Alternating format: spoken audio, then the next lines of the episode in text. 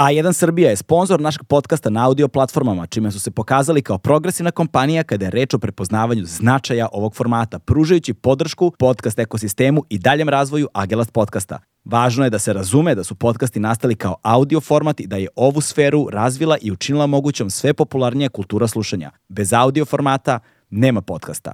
Prijatelj našeg podcasta na audio platformama je i domaći modni brand Legend Worldwide. Prepoznatljiv jeans, udobna lifestyle odeća i neupitan kvalitet definisali su brand Legend Worldwide tokom skoro tri decenije uspešnog poslovanja. Be a legend, not a follower.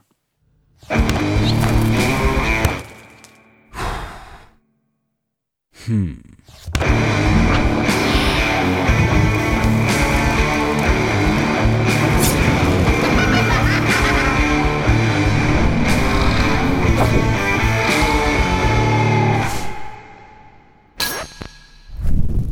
profesor Zoran Marković, redovni profesor Poljoprivrednog fakulteta u Beogradu i osnivač Malog Dunava. Ne znam da li ste čuli za Mali Dunav, ali u pitanju je Centar za ribarstvo i primenjenu hidrobiologiju. Sa njime smo otvorili brojne teme, najviše o ribama, to jest o celim ekosistemima kada su u pitanju otvorene vode. Uživajte. Sledi naša sledeća epizoda. Dakle, pričali smo o automatizovanim ovim sistemima za hranjenje riba. Dakle, tako je, tako i, je. I generalno tim automatizovanim sistemima ka, u tim ekosistemima recimo. Koliko su zapravo pomagala toliko su i štake koje te ne sposobe kasnije i donose mnogo problema. Tako je stvari, kada formirate ekosistem, onda vam ne trebaju dodatne hranilice i te veštačke, veštački načini hranje. Onda svako od onih koji čine taj ekosistem, znači svaki segment te zajednice vodenih organizama, mm. ako su vodeni naravno, nađe svoje mesto po suncem, odnosno nađe svoju hranu. Međutim, ako imate takozvani sistem, što znači nije ekosistem, onda je neophodno da obezbedite hranilice, da obezbedite osvetljenje, da obezbedite grejanje, hlađenje, sve zavisi od recimo vrste organizama, ako i gajite, koje gajite. Da. Tako da je u stvari taj e, da kažemo, kompjuterski sistem, kako ga često mi nazivamo, koji se bavimo time kad je u pitanju akvakultura, e, bude izvrstan u prvih nekoliko godina. Da, I da. zaista se oduševljavate, hvalite, pokazujete svima. Međutim, kod prvog vara najđete na problem. Zato što nema recimo servisera za njih na našim prostorima, ali mi smo prosto malo tržište i onda poručite recimo nekog servisera da vam dođe iz neke od tih zemalja koji proizvode recimo konkretno taj robot sistem. Mi smo to imali iz Norveške, a onda imamo neki Oxygard sistem koji je iz Holandije i sad vam dođe taj serviser, naravno te dnevnice su jako visoke, putovanje poprilično skupo, smeštaj luksuzan i posle tog prvog ili drugog uh, serviserskog dolaska vi shvatite da je to ipak veliki izdatak i da možda je pametnije da pređete na neku jednostavniji način, recimo prihrane ili nečeg drugog. Da, da, evo sad, o, kako vam deluje ovaj naš sistem ovde u akvarijumu? E, vidite, već ste ovaj, korigovali. znači, više nije eko, nego nije, sistem. Ne, da. tako je, tako je. U stvari, ovo je sistem, mada bi ima elemenata gde bi mogao da, da se pretvori u ekosistem. Mm -hmm. Znači, da bi prešao ekosistem, treba mu malo, možda još va, više biljne mase, e, možda malo ovaj, drugačiji sastav, recimo, tog živog sveta, odnosno ovih ribica, još nešto dodati i onda bi on mogao da funkcioniše šta ne baš trajno da bi bio potpuno samostalan ekosistem, ali dosta dug period bez vaše pomoći. Da, da, da. dobro, mi imamo tu ove kozice, imamo različite vrste puževa, imamo svašta nešto, ali opet veštačko je osvetljenje, koriste se grejači za vodu, mm. prihrane za biljke, Uh, imamo u bocu s ugljen dioksidom dole, pa onda jednom nedeljno moram da menjam barem polovinu vode u akvarijumu, pa mora da se uh, Da, da je prihrana za, za, za biljnu masu. A problem sa biljnom masom jeste što mi je, ona nabuja i ona bude divna, ali, za, ali mi kažemo to, za džungla i onda se ne vidi ništa. pa evo recimo sad opet ja, ja, pošto sam naučio, naučio sve da ocenjujem, to što ste sve ispričali već je za osmicu, tako da prizuste. Da, da. dosta, e. dosta toga ste već savladali. da. ali, je, znači, ali je zahtevno je, zahtevno da, Pa da. taman toliko fali do te desetke i onda bi bilo samostalno i onda ne biste da, morali... A da- iskreno, najveći problem od svega toga u suštini je borba, stalna borba sa algama, mm različitim vrstama alg, algi i uh, borba sa vodom koja isparava. Pa to je prirodno. Da. Ili u, u, recimo u prirodi, što se vode tiče, vi imate kruženje vode u prirodi i onda ono što ispari, padne kiša pa da nadomesti. Tako je, meni ovde nema gde da padne kiša. A vi ovde nemate kišu, tako je. Da. Tako da prosto čim su ti mali sistemčići onda mora da ih podržavamo i ljudi mm. da bi to bilo funkcionalno. Jer sve ovo ostalo može da podnese na primer da sad odem i sedam dana me nema. Na Naprimjer može. Samo jedna stvar koja nikako ne može jeste što ova voda isparava i, mm. i, i onda i posebno kada padne nivo ispod visine filtera onda je problem. Ne? Pa jedino da formirate neki oblačić gore iznad, pa onda da se on Kako povremeno... se to radi. Ali, a siguran sam, vidio sam da. na internetu da postoje sistemi koji mogu zapravo, koji prave tu veštačku kišu i svašta nešto, ali oni su zatvoreni, dosta su kompleksniji. Da, da, da, sigurno da bi moglo. Da. Ja sad, mislim se nije bavio baš nešto detaljno time, da bih sad mogao mm. odgovoriti na sva vaša pitanja, pa da ne biste i vi mene krenuli da ocenjujete. Ali sve može, nema što ne može. Dobro, tako da je... dobro, dobro, dobro. E, ovaj, profesore, dobrodošli. Bolje vas našao. Dobrodošli, nadam se da ste dobro, evo malo je popustile svoje vrućinčine, ovaj, osvežilo je malo kako je kod vas tamo. Pa kod nas je uvek lepo i kad je kiša je lepo, kad da. duva vetar onda neka grana se odlomi pa onda moramo da to malo saniramo. Nešto nam se još desi, uvek ima, uvek mm. kada imate nešto pa je to podložno tim atmosferskim, atmosferskim uticajima, onda se Znači desi i nekih malih, da kažem, kvarova, ali dobro, sve se to da. Kako, kako zapravo sad, govorimo o Malom Dunavu, je li tako? Tako je, tako Ove, ovaj, kako, za, Aj samo da pomenom prvo šta je Mali Dunav. Da, pa Mali Dunav je centar za ribarstvo i primijenjenu hidrobiologiju u okviru oglednog dobra Radmilovac, Poljoprivrednog fakulteta Univerziteta u Beogradu. Znači nešto što je jedna mala grupa ljudi Eh, da kažem, taj moj tim koji se bavi mm. ribarstvom i primjenjenom hidrobiologijom na poljoprivrednom fakultetu, odlučio se to da napravi na jednom segmentu oglednog dobra Radmilovac koji je pre 17 godina bio zapušten, nikakav, nikoga u tom periodu nije hteo da nešto radi, bavi se njime i eto nekim sticam okolnosti je dopao nam. Ja odem tada kod tadašnjeg dekana, profesora Ralovića i pitam da li bismo mi to dobro do, mogli da dobijemo, dobijemo, da nešto pokušamo da uradimo. On se malo začuti, nikad to nije baš neko želeo da, da. nešto tu uredi i kaže naravno da može, samo ono što nema to znate, fakultet nema novac za to. A što se tiče potpisa podrške tu imate sve. I tako je bilo i tako smo krenuli, znači pre 17 godina da od jednog potpuno zapuštenog e, prostora, podbarnog, bukvalno beskorisnog, eto nas napravimo jedan lep prostor gde ljudi dolaze, nešto uče ili samo uživaju, zavisi ko šta želi. Tako da je danas to centar kako se često negde navodi za posetioce, mada on nije pravljen za posetioce, on je pravljen u stvari suštinski za nas koji se bavimo eksperimentima, koji se bavimo naukom, istraživanjima, mm -hmm. ali eto onda posle smo shvatili da su ljudi počeli da dolaze pa su sami organizovali nekakve svoje programčiće, pa smo eto mi odlučili da mi im to napravimo, da im ponudimo neku uslugu, da to bude za neku minimalnu nadoknadu i danas je to već jedan ovako, da kažem, firni, moderni Dakle, to se, jel Zrenjaninskim putem, kojim se putem ide tamo? Ne, ne, to je Smederevski. Smederevski, Smederevski, Smederevski pa pardon, Smederevski, da, da, da, niz reku, da, da, niz, niz, niz Dunav. Tako je, Ove, ovaj, pobrkao sam na drugu. Smederevskim putem se ide, Koliko je udaljeno to odavde? Pa evo, tačno od recimo Skupštine Srbije 12 km, 11 i da. po recimo 12. Ove, ima Instagram stranica Mali Dunav koju ljudi mogu da posete da vide o čemu tako se radi, je, tako? tako? I onda mogu da tako. da posete vas. A, ovaj, kako, kako ste tamo, koja je površina toga? Pa taj prostor koji, koji je, ovaj, da kažemo, Mali Dunav, kako smo ga nazvali, e, ajde možda da prvo podelim ga. Naime, celo ogledno dobro Eh, ima 83 hektara. Okay. E sad, eh, onaj deo koji je sad pušten u funkciju za posete, znači posetilaca, je 5,5 hektara. Međutim, mali Dunav, to je donji deo tog malog Dunava, ima i svoj srednji i gornji deo toka, mm -hmm. koji još uvek nije sređen, uređen, ali je ta neka infrastruktura eh, praktično završena. Šta je bila ideja? Ideja je bila da u jednom toku koji se nekad zvao Šugavac, mm -hmm. odnosno najpre Ševarica, pa onda promenio ime u Šugavac. Šta mu se desilo? Desilo mu se naselje koje je nastalo tu svuda okolo, pa onda svako ko nema gde šta da baci, onaj građevinski, svaki drugi otpad je završio upravo u tom, tim bivšim ševaricama. I onda se pretvorio u Šugavac, znači jedan prljav, ružan, uzvodno i jedno naselje koje recimo pre 15 godina imalo svega nekoliko stotina, sad ima već neku hiljadu kuća, pretvoren praktično taj potok u jednu deponiju otpada fekalija i onda je sad to trebalo na neki način rešiti.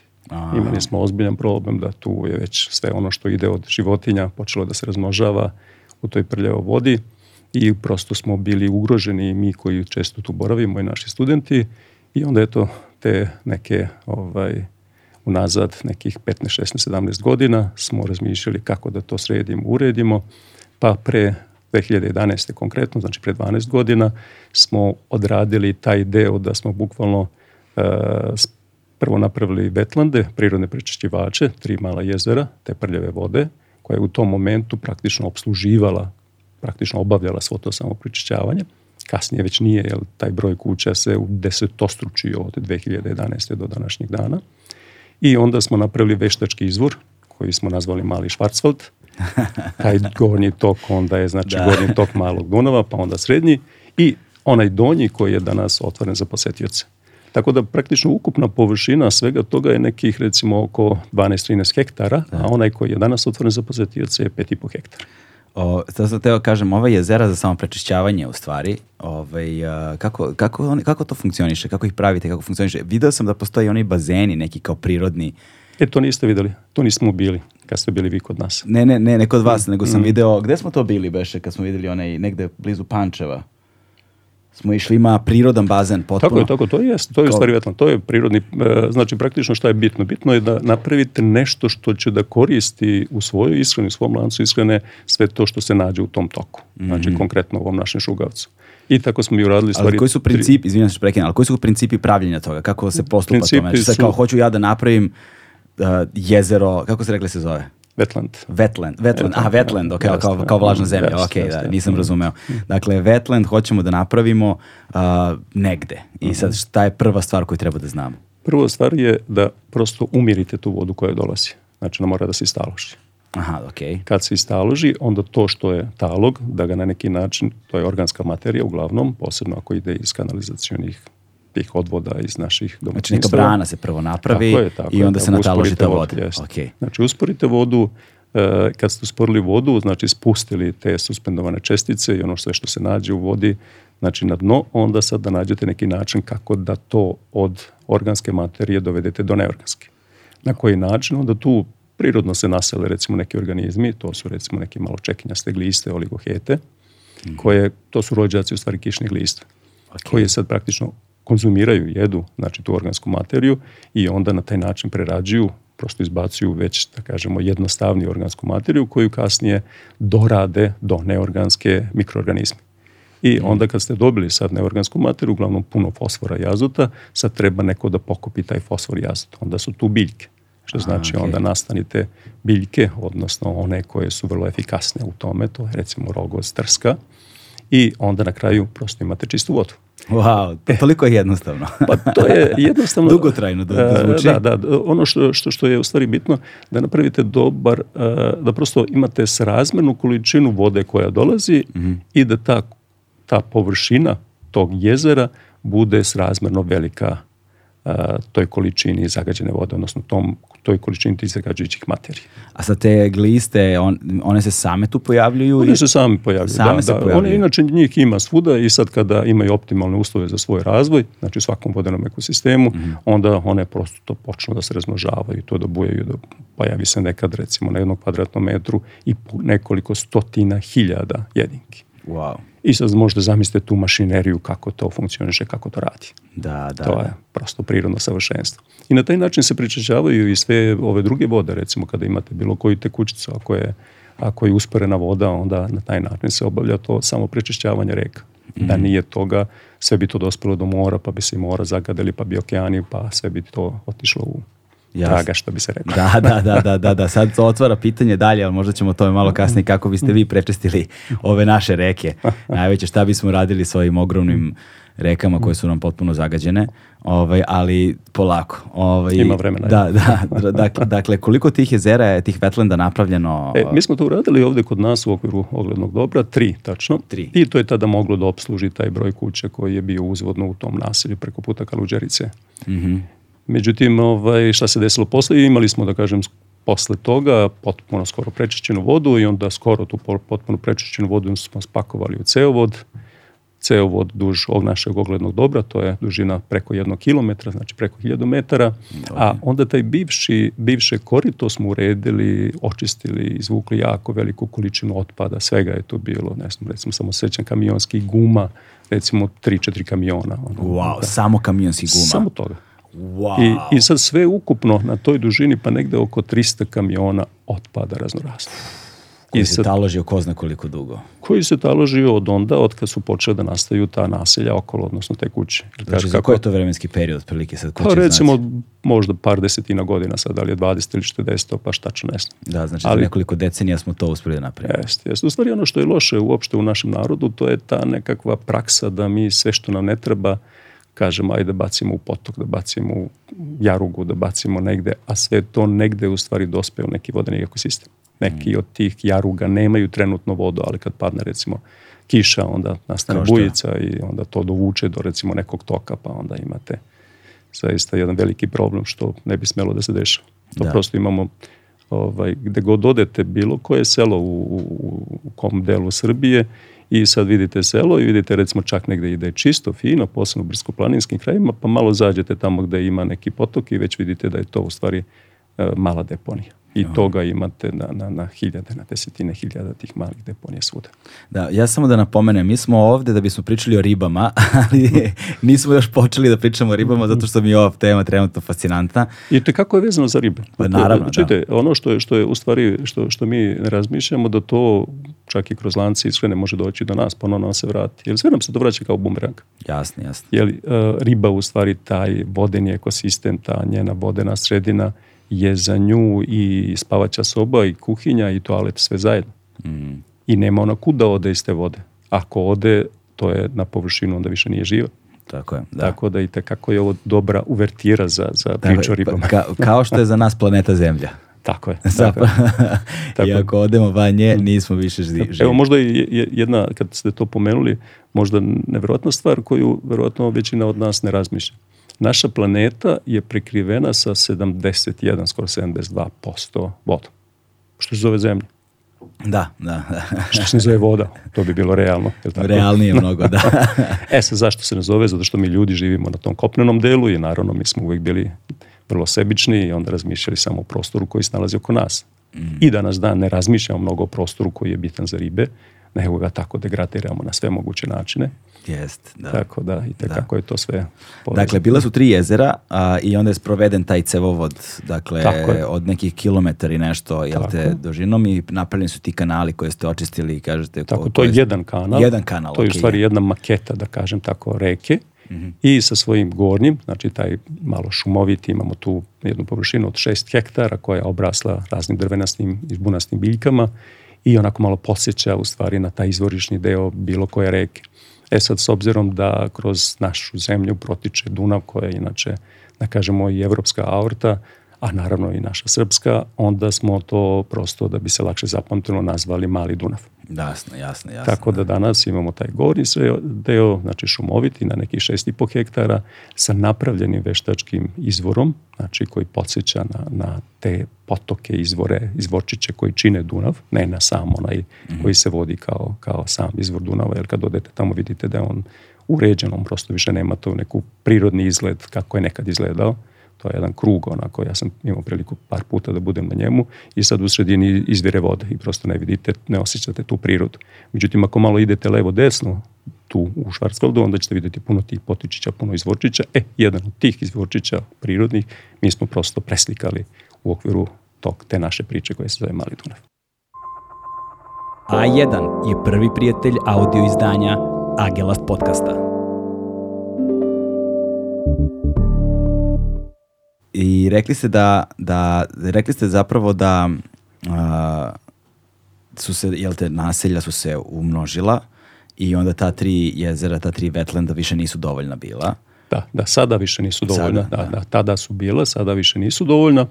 Ali dobro, što kažu, ovaj, to trenutno nemamo ni prostora, ni mogućnosti, niti finansijskih, ni bilo kojih mm drugih, da bi to prosto tu vodu potpuno sad prečistili. Šta to Jer, znači onda za Mali Dunav? Uh, To za mali Dunav trenutno ne znači ništa, zato što je ta sad voda koja je, nažalost, opet zagađena, e, prolazi kroz ceovod koji je ispod malog Dunava.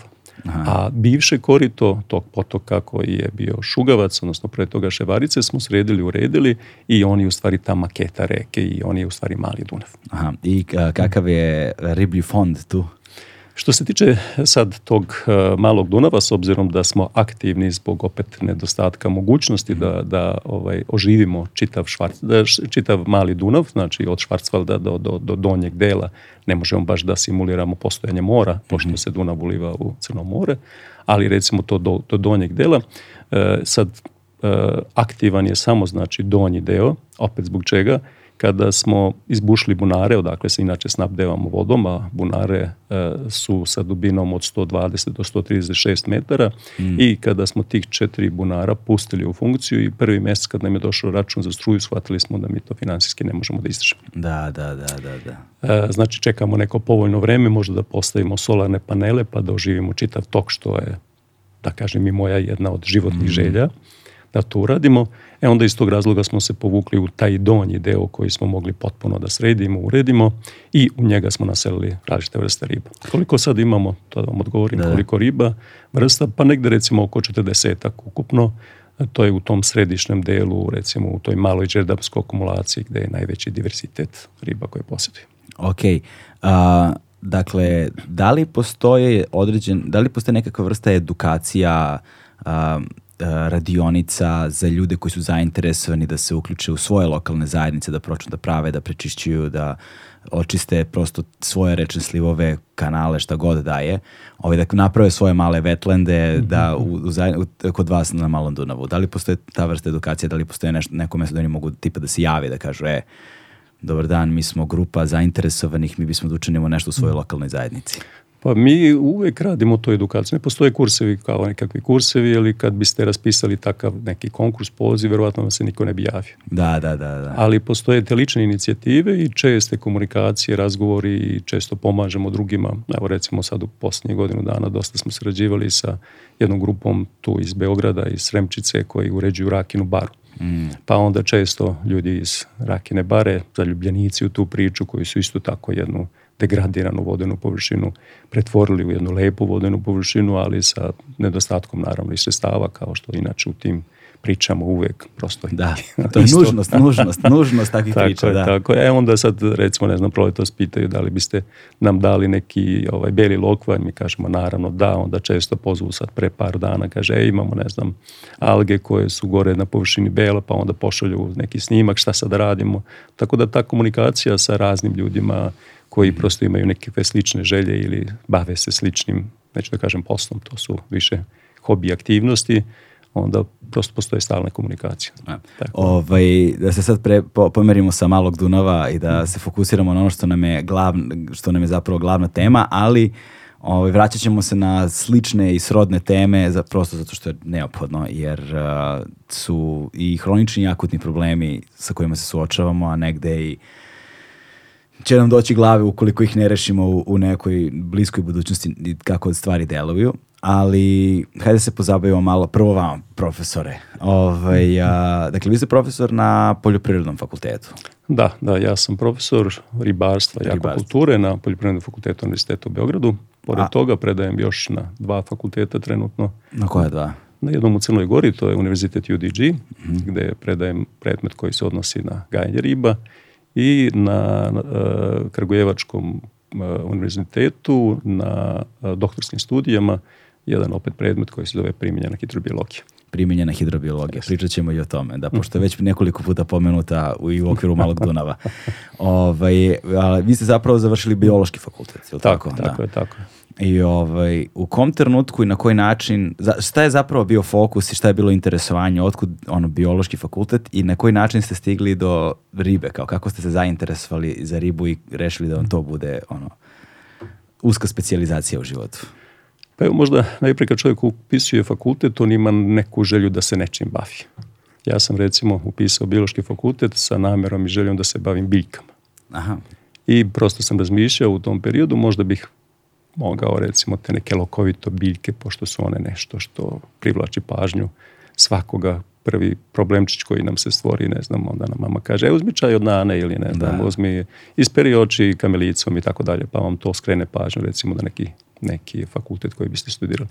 A s drugim, drugi razlog je recimo sam upis e, biološkog fakulteta idete sistemom eliminacije pa kažete ne znam istoriju ne volim, matematika mi ne ide i tako dalje i napravite da, to da. i onda dođete jedino šta vam se dopada, odnosno šta vam najmanje ne ide da tako kažem, to je bila biologija. I tako upišem biologiju sa željom da se bavim biljkama.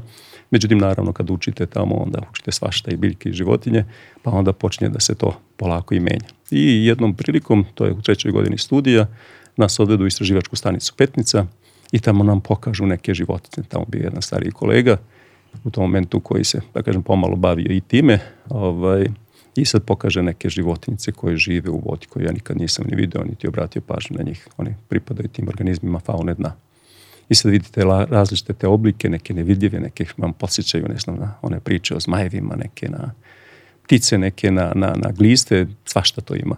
I onda prosto se malo zainteresujete za tim i onda za to i onda odaberete recimo konkretno u ovom slučaju da je to, to mi bude tema za, za ovaj, diplomski rad, mm -hmm. pa onda odaberem reku na kojoj sam odrastao, gde sam naučio da plivam, to je reka Đetinja, i tu uradim taj diplomski rad, kasnije već prosto ste ušli u neku materiju, počnete se baviti i dalje time, pa iz te oblasti, znači koja se zove ekologija voda i proučavanje tih organizama faune dna i magistriram, pa i doktoriram.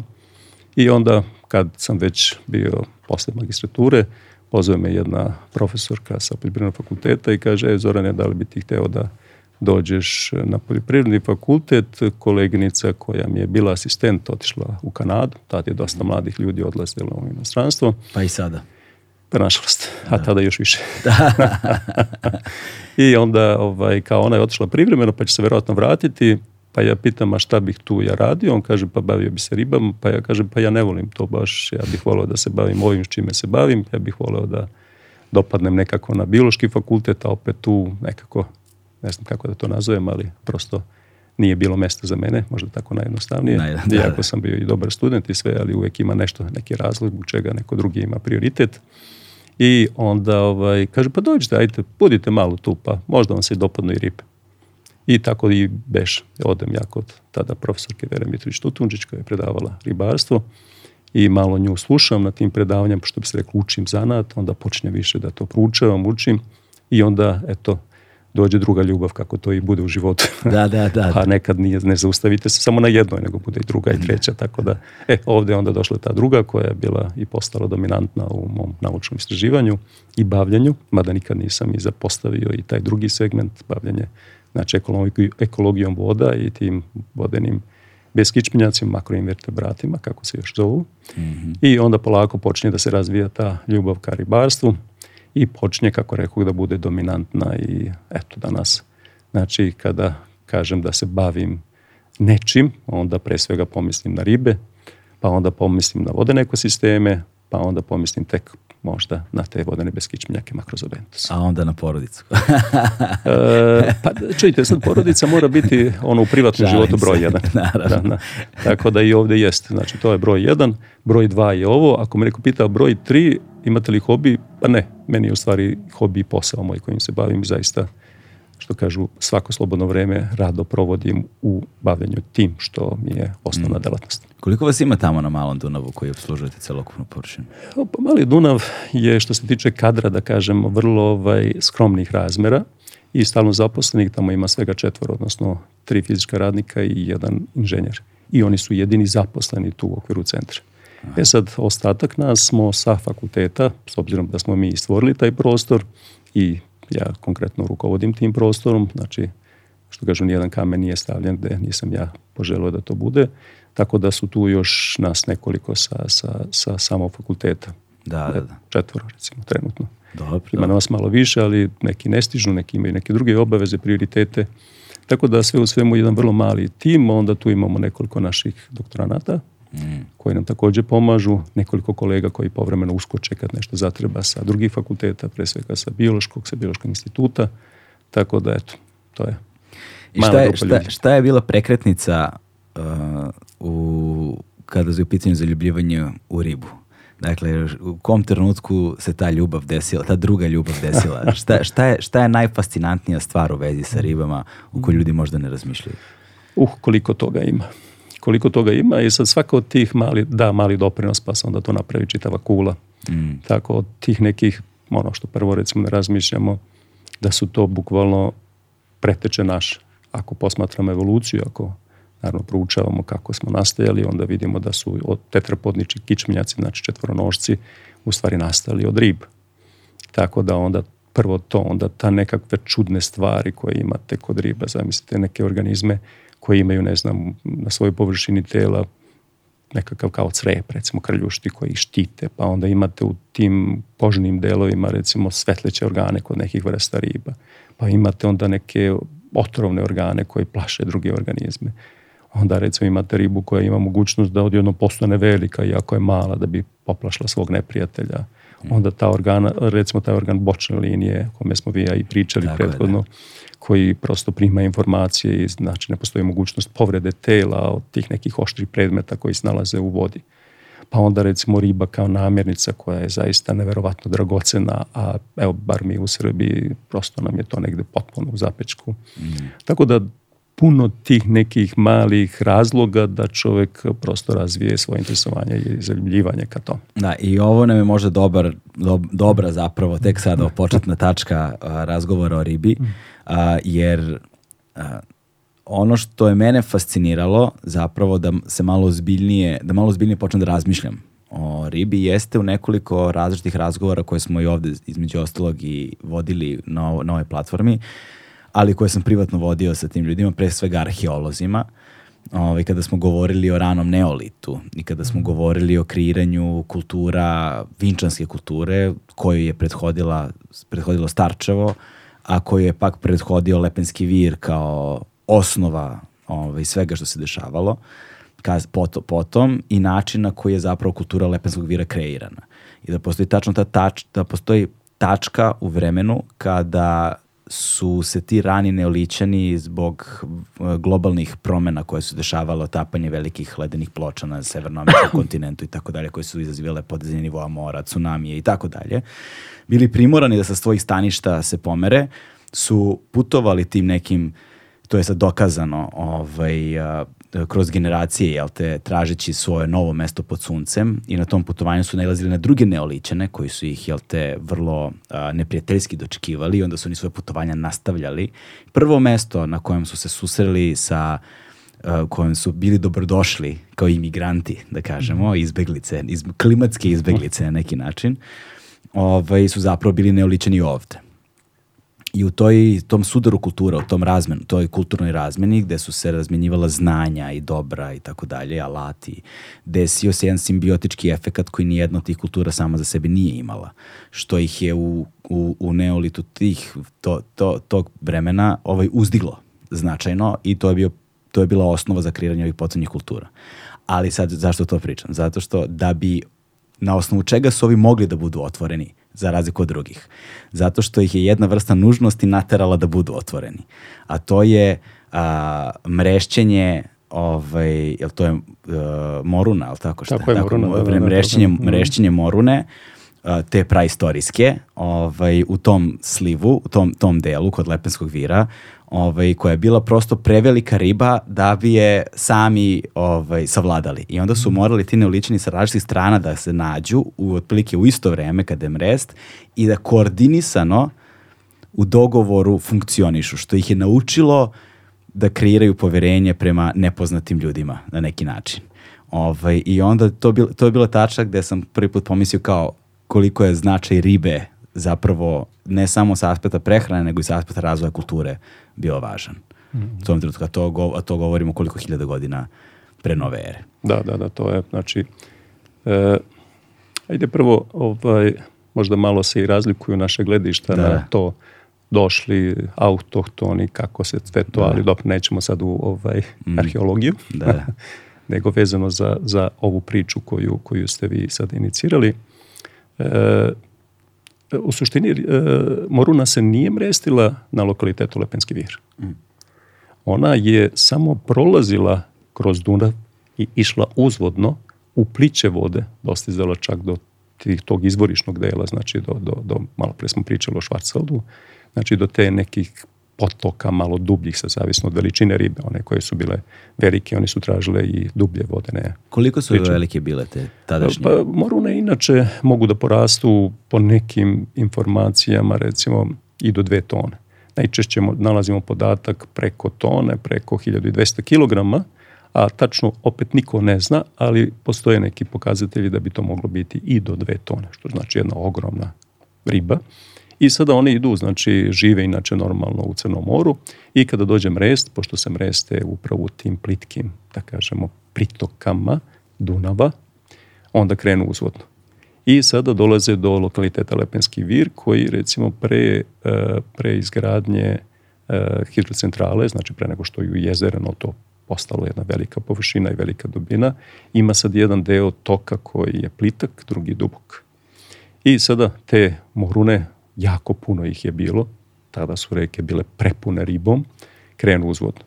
I krene čitavo jato i kada krene to čitavo jato, jedan deo lako prođe kroz taj dublji deo. Međutim, one koje su, da kažem, sporedni igrači, bukvalno se nasukaju na taj sprudove te uh, ove kamene koji se nalaze na lokalitetu Lepenski vir i onda čovek koji se tu našao ima hrane u izobilju a tadašnja preokupacija, znači ono čime se bavi čovjek, u stvari čime se bavi svaki, svaka životinja, mi pripadamo tom životinskom carstvu, to je da obezbedi sigurno stanište, da se zaštiti znači, od eventualno svojih predatora i da obezbedi hranu.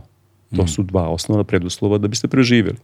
I sad imate dosta hrane. Kad imate dosta hrane, vi ste najveću brigu zbrinuli i kada ste najveću brigu zbrinuli, a to se opet poklapa sa, sa otopljavanjem, znači u tom periodu završava se posljednje ledeno doba, govorimo o periodu unazad nekih znači 11.000 godina, 12, znači završava se to posljednje ledeno doba, otopljava i sada čovjek ima puno hrane, ima puno hrane, onda je, ajde tako kažem, malo dokon. Mhm. Vrlo inteligentan. Da. Vrlo inteligentan čovjek. Uvijek je imao prosto taj nivo inteligencije koji ga je razlikovao od drugih životinja. Zato i dospeo danas da bude, da caruje ovom planetom, ako se to tako može nazvati. Da. I tada onda počinje prosto da se bavi nečim drugim. Do tada je čovjek žive u pećini, a onda je verovatno shvatio, a zašto mi sad ne bismo pravili nešto što liči na te pećine? Pa prave svoje prve te kuće, što možemo videti na, u muzeju na lokalitetu Lepenski vir danas, koji je jedna od turističkih atrakcija. I ne samo to, onda počinje i nešto prosto, što bi se reklo, nešto mora raditi, onda kreće recimo da pravi prva umetnička dela, to su ona sad umetnička dela koje liče malo na ribe, malo na čoveka, što govori da mu je fokus interesovanja znači na sebi i na onim što dominira u njegovoj ishrani. I pravi ta, ta, ta, ta kleše prosto te, te ovaj, peščare, taj, taj kamen i pravite neš, nekakva čudna bića. Sad neko kaže to su bile dečje igračke, a neko kaže to je bilo nešto što čemu su se oni klanjali i molili kao što mi danas koji smo vernici molimo se Bogu. Da. Tako da, u stvari, eto, osnova, znači, činjenica da je on u tom periodu imao dosta vremena, da nije morao da juri po šumama da bi nešto ulovio ili da lovi po rekama da bi preživeo, da bi othranio svoju decu, svoju borodicu, mu je omogućila da se razvije ta prva kultura, kultura lepenskog vira. Što govori upravo o neverovatnom značaju. Znači, sad jedna grupa organizama e, su e, kumovali tome da na prostoru e, države Srbije nastane jedno od prvih evropskih naselja.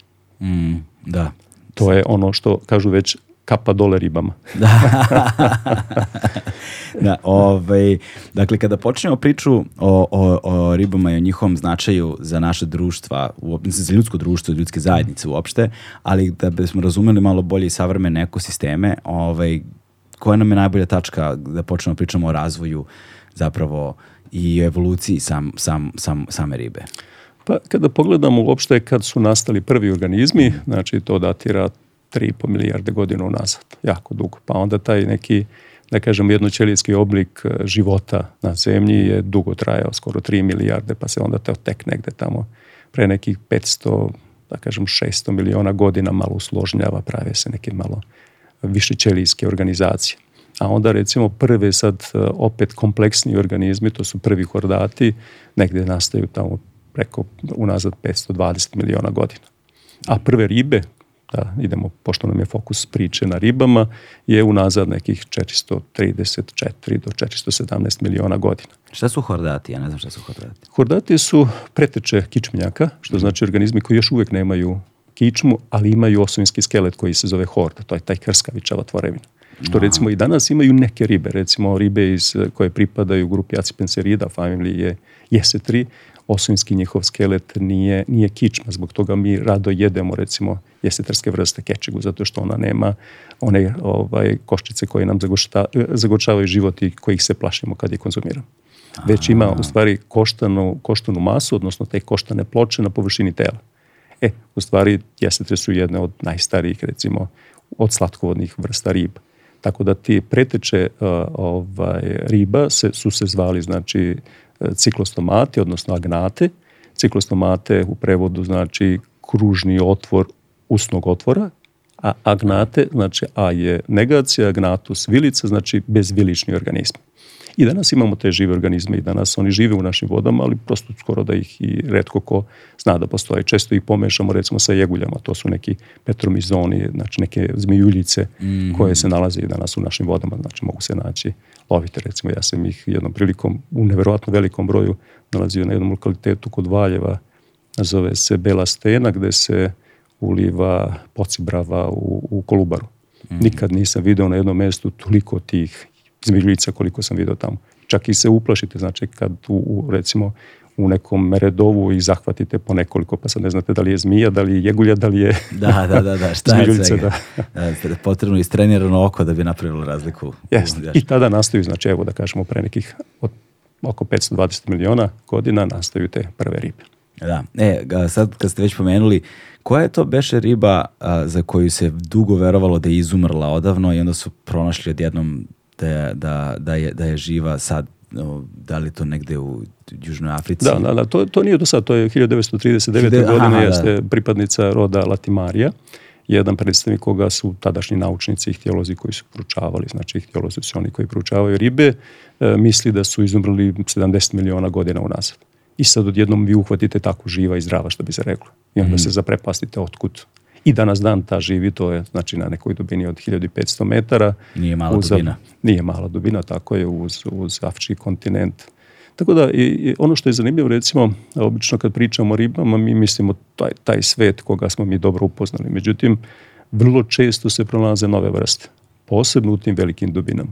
Mm. E sad, zašto im je teško dokučiti, zašto teško možemo da, da, što kažu, dođemo do njih, mada je to sve lakše, naravno, zahvaljujući novim tehnikama ronjenja i spuštanja tih nekih sprava za, za proučavanje, e, zato što, recimo, one dole su se prilagodile na taj ogroman pritisak. Možda mislite, znači, ono, zaronimo, recimo, u dubinu mi ljudi na neki 3-4 metre, već osjećamo ono bubne opne kako hoće da nam puknu. Mm E sad, da. možda zamislite kako riba trpi tu neku dubinu preko hiljadu metara. I sada kada tu ta riba ima neki, gradi neki svoj mehanizam otpora prema tom velikom pritisku, kada iznesete na površinu, ona bukvalno pukne. Mm, da, pa da, da. Jeli, onda u tom momentu nema tog pritiska i onda dolazi do, do, do... I zbog toga ih je recimo malo teže proučavati, ali se znači, proučavaju i pronalaze svake godine, imamo po, po više desetina novih vrsta koji su opisani Eh, pre svega u tim morskim ekosistemima. Dakle, s jedne strane, ovaj, daleko smo od toga da smo razumeli šta sve postoji ovaj, pod vodom, a s druge strane smo veoma uspešni u tome da sve to potamanimo. Eh, pa taj odnos prema ribama je prosto neverovatan da. čovjek. Znate. Imate prvo kada nešto ovaj, pričamo o nekim lepim stvarima, kaže, eh, kad bih ja upecao zlatnu ribicu da mi ispuni tri želje. Znači, nekako očekujemo od njih puno, ajde tako mhm. kažemo, ili zato se i razvila ta pričica o tri želje, baš od ribica, ni od slona, ni od da, nečega. Da, baš, vidiš, nisam nikada razmišljao o tome kako je nastala priča o zlatnoj ribici. Pa zato što u stvari ribice, odnosno ribe uopšte su vrlo često ključ opstanka nas ljudi. I mhm. danas vi pogledate, ne znam, recimo ono što ljudi malo znaju, danas recimo e, ljudi zahvaljujući proteinima koje u konzumiranju ribom obezbede iz ribe, više obezbeđuje se znači tih proteina za našu ljudsku ishranu e, e, od riba nego od govedine, što je mm. prosto neverovatno. Da, to nisam znao. E, i, i ta, to učešće e, u ishrani, svetskoj ishrani je sve veće i veće ljudi. Znači svake godine poraste za određen broj grama, stotina grama ili kilograma u nekim zemljama. da, li je zaista riblji protein, odnosno protein iz ribe ovaj, prisut, da, da li je zapravo po, po, kako bih to rekao, po, po količini, recimo po ne znam, nekoj mernoj jedinici više proteina u ribi nego u goveđem mesu. Jeste, ali ajmo, to je sad jedna, jedan, jedan novi deo priče, ali ah, da ne pobegnemo važimo, od ajde, ovoga što ajde, smo, pa da se posle vratimo. Može, može, jer može. Vrlo zanimljiv deo, ovaj, da kažem, priče o ribama. I sad, znači, prvo što pomislimo, to je to, eh, ne znam, da imamo neke ovaj, tri želje, svako od nas ima, ili imate vi? Imam ih koliko hoćeš, više od tri. ali recimo ako morate da se opredelite onda... Bih, teško bih se opredelio, ali bih sveo na tri. Ja da. bih, ja sam razmišljao recimo o tome.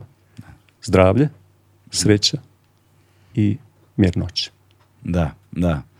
Ove, ovaj, sreća je malo kompleksniji pojam, zato što mm. nisam siguran šta sreća tačno znači. Ovaj, I koliko je sreća uopšte moguća. Znaš, ne, znaš, ne, o, verujem da uvrženo negde verovanje da je zapravo sreća ništa do, ništa do kratak vremenski interval ovaj, nakon neke velike muke koja je bila. Znaš, zato što je relacijona. Mm -hmm. Ono što je sreća za mene ne mora bude sreća za tebe. Tako je, ali to je sa individualnog... Individualnog stanovišta, da. Tako je, tako je. To... I ne verujem da je sreća neko permanentno stanje. To sigurno nije. Nema... Znaš to. Tako da u tom slučaju mir bih uzeo pre nego sreću, jer mir ipak podrazumeva nešto širi spektar stvari, čini mi se. Dobro. Ovaj, naš spokoj, mir. To, znači, da. jedno od tri je vaše mir, a Izmjel još dve? Da. A, ljubav, porodica, bih nekako mhm. smestio u jednu stvar. Imali li ljubavi bez zdravlja? I nema i to bi recimo, ajde kažemo da, ajde kaže tako je da su te, te tri stvari ovaj, bi možda bile, ali opet, znaš, a, da. a nema ovaj, ali, sreće ni bez ljubavi. Tako, tako je, da, da. ali drugi, to je ekosistem.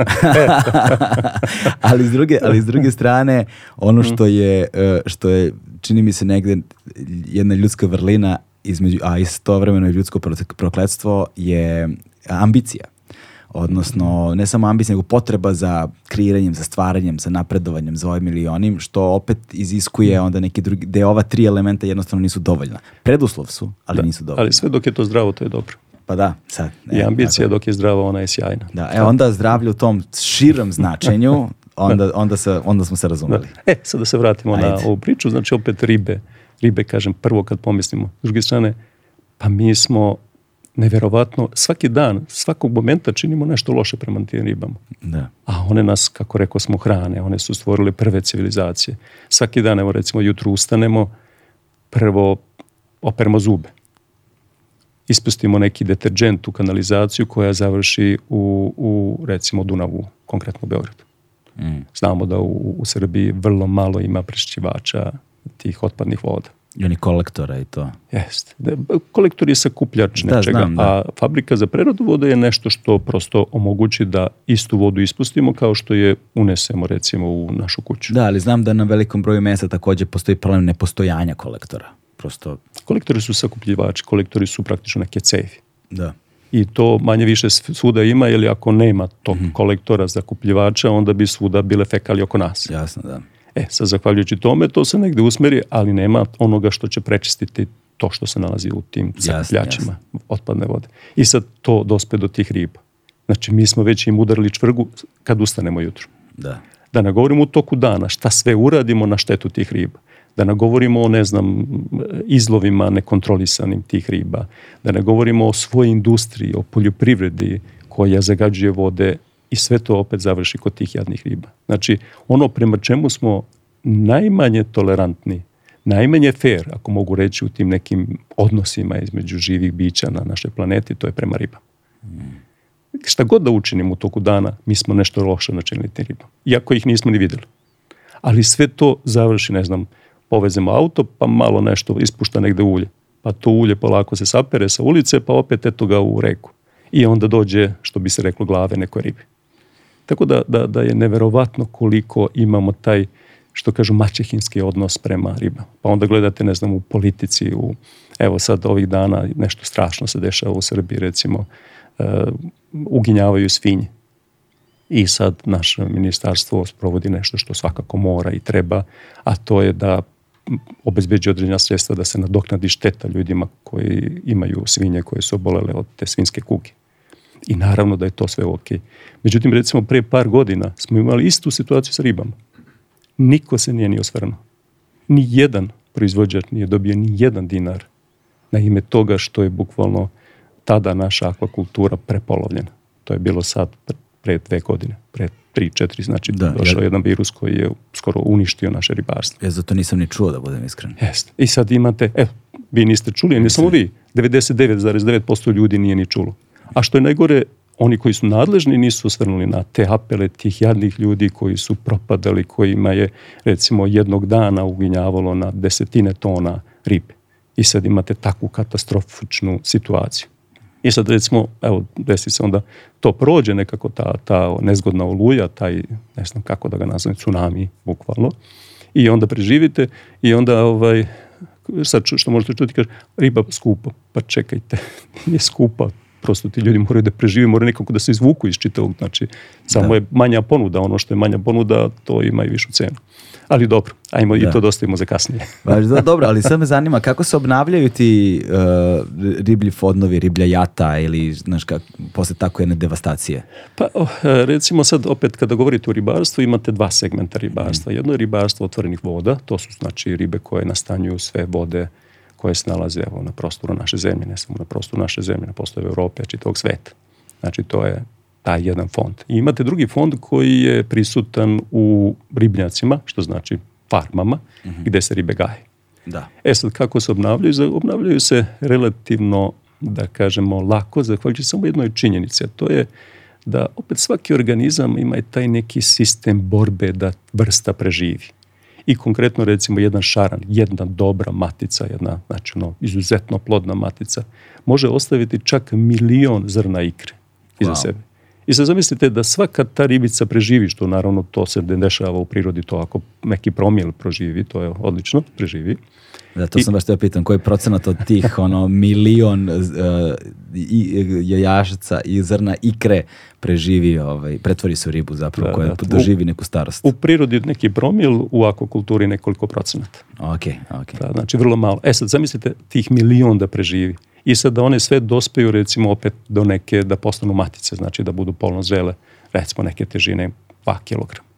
I sad milion puta 2 kg to vam je 2000 tona onda pogledate statističke podatke koliko mi proizvodimo šarana i vidite recimo podatak za 2022. da je to 3750.000 tona. Što znači dve matice bi podmirile potrebu čitave naše akvakulture.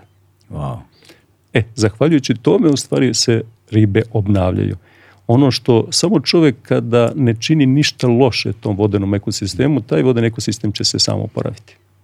Ali... Da, da, samo treba da ne postojimo. e, ali, je problem, ali je problem u stvari, ne da ne postojimo, to da, recimo zemlje u razvoju i, i one koje prosto nemaju još uvek dovoljno novca da odvoje za te ekološke potrebe, one imaju taj problem. One zemlje koje su uh, već dovoljno razvijene, one i tekako vode računa. Recimo, da imate situaciju, ne znam, u Norveškoj, Ja sam imao priliku da imali smo neke zajedničke projekte 12 godina s Norvežanima i sad vidite tamo kako je uh, ovaj, za njihov zakon u zaštiti vodenih ekosistema. Tamo ne smete da ispustite vodu da je i malo prljavija od one koju upustite u recimo svoju, svoj ribnjak. I sad ako to uradite, to su kazne nevrovatne. Ili recimo imate jedan Novi Zeland gde je zakonom zabranjeno da gajite recimo, ne znam, kalifornijsku pastrnku. Zašto? Zato što se ona smatra zagađivačem. Što znači neke zemlje su to vrlo rigorozne što se tiče tih nekih zaštita svojih vodenih ekosistema. Šta, šta znači da se kalifornijska pastrnka smatra zagađivačem? Na koji način je zagađivač? Pa, e sad kad govorimo uopšte o, o akvakulturi, znači akvakultura uvek ima mogućnost da štetno deluje na prirodne populacije riba. A s druge strane, opet takva kultura pomaže obnavljanju prirodnih populacija. A, znači, to je da nekako da, uzajemno. Da mislite u tom trenutku, mislite onda u suštini neke invazivne vrste? Ali ne, ne, ne, ovde konkretno kad sam rekao, to što ste me pitali, da, da vam konkretno i odgovorim, Aha, pa ćemo okay. onda dalje. A, važi, na, važi, važi. Znači, ako, ako recimo sad, kako je zagađivač, imate jedan pasanski ribnjak i sad tu gajite recimo 100 tona ribe. I vi imate situaciju da sad neprečišćenu vodu kod nas u Srbiji vrlo često ispustite u recimo neki recipijent neku reku. Mm. I sad to što ispustite, tu ima dosta nepojedne hrane, sa povećna količina amonijaka, znači to što ispustite u vodu zagađuje taj recipijent, odnosno tu reku. I u tom kontekstu su zagađivači. E sad, da li to mora biti? Ne mora. Kako sam pomenuo malo pre u Norveškoj, recimo vi imate obavezu i morate da imate ne samo uh, taložnike da istaložite uh, nepojedenu hranu i feces od riba, nego da prosto tu vodu dovedete u vodu, u e, nivo kvaliteta kao što ste i upustili u ribnjak. Mm -hmm. Kod nas to ne postoji. Kod nas imate kao obavezu da imate taložnik, ali recimo od naših pasanskih ribnjaka zvanično ih ima 68 po zvanično registrovanih, nezvanično 140, wow. tu negde.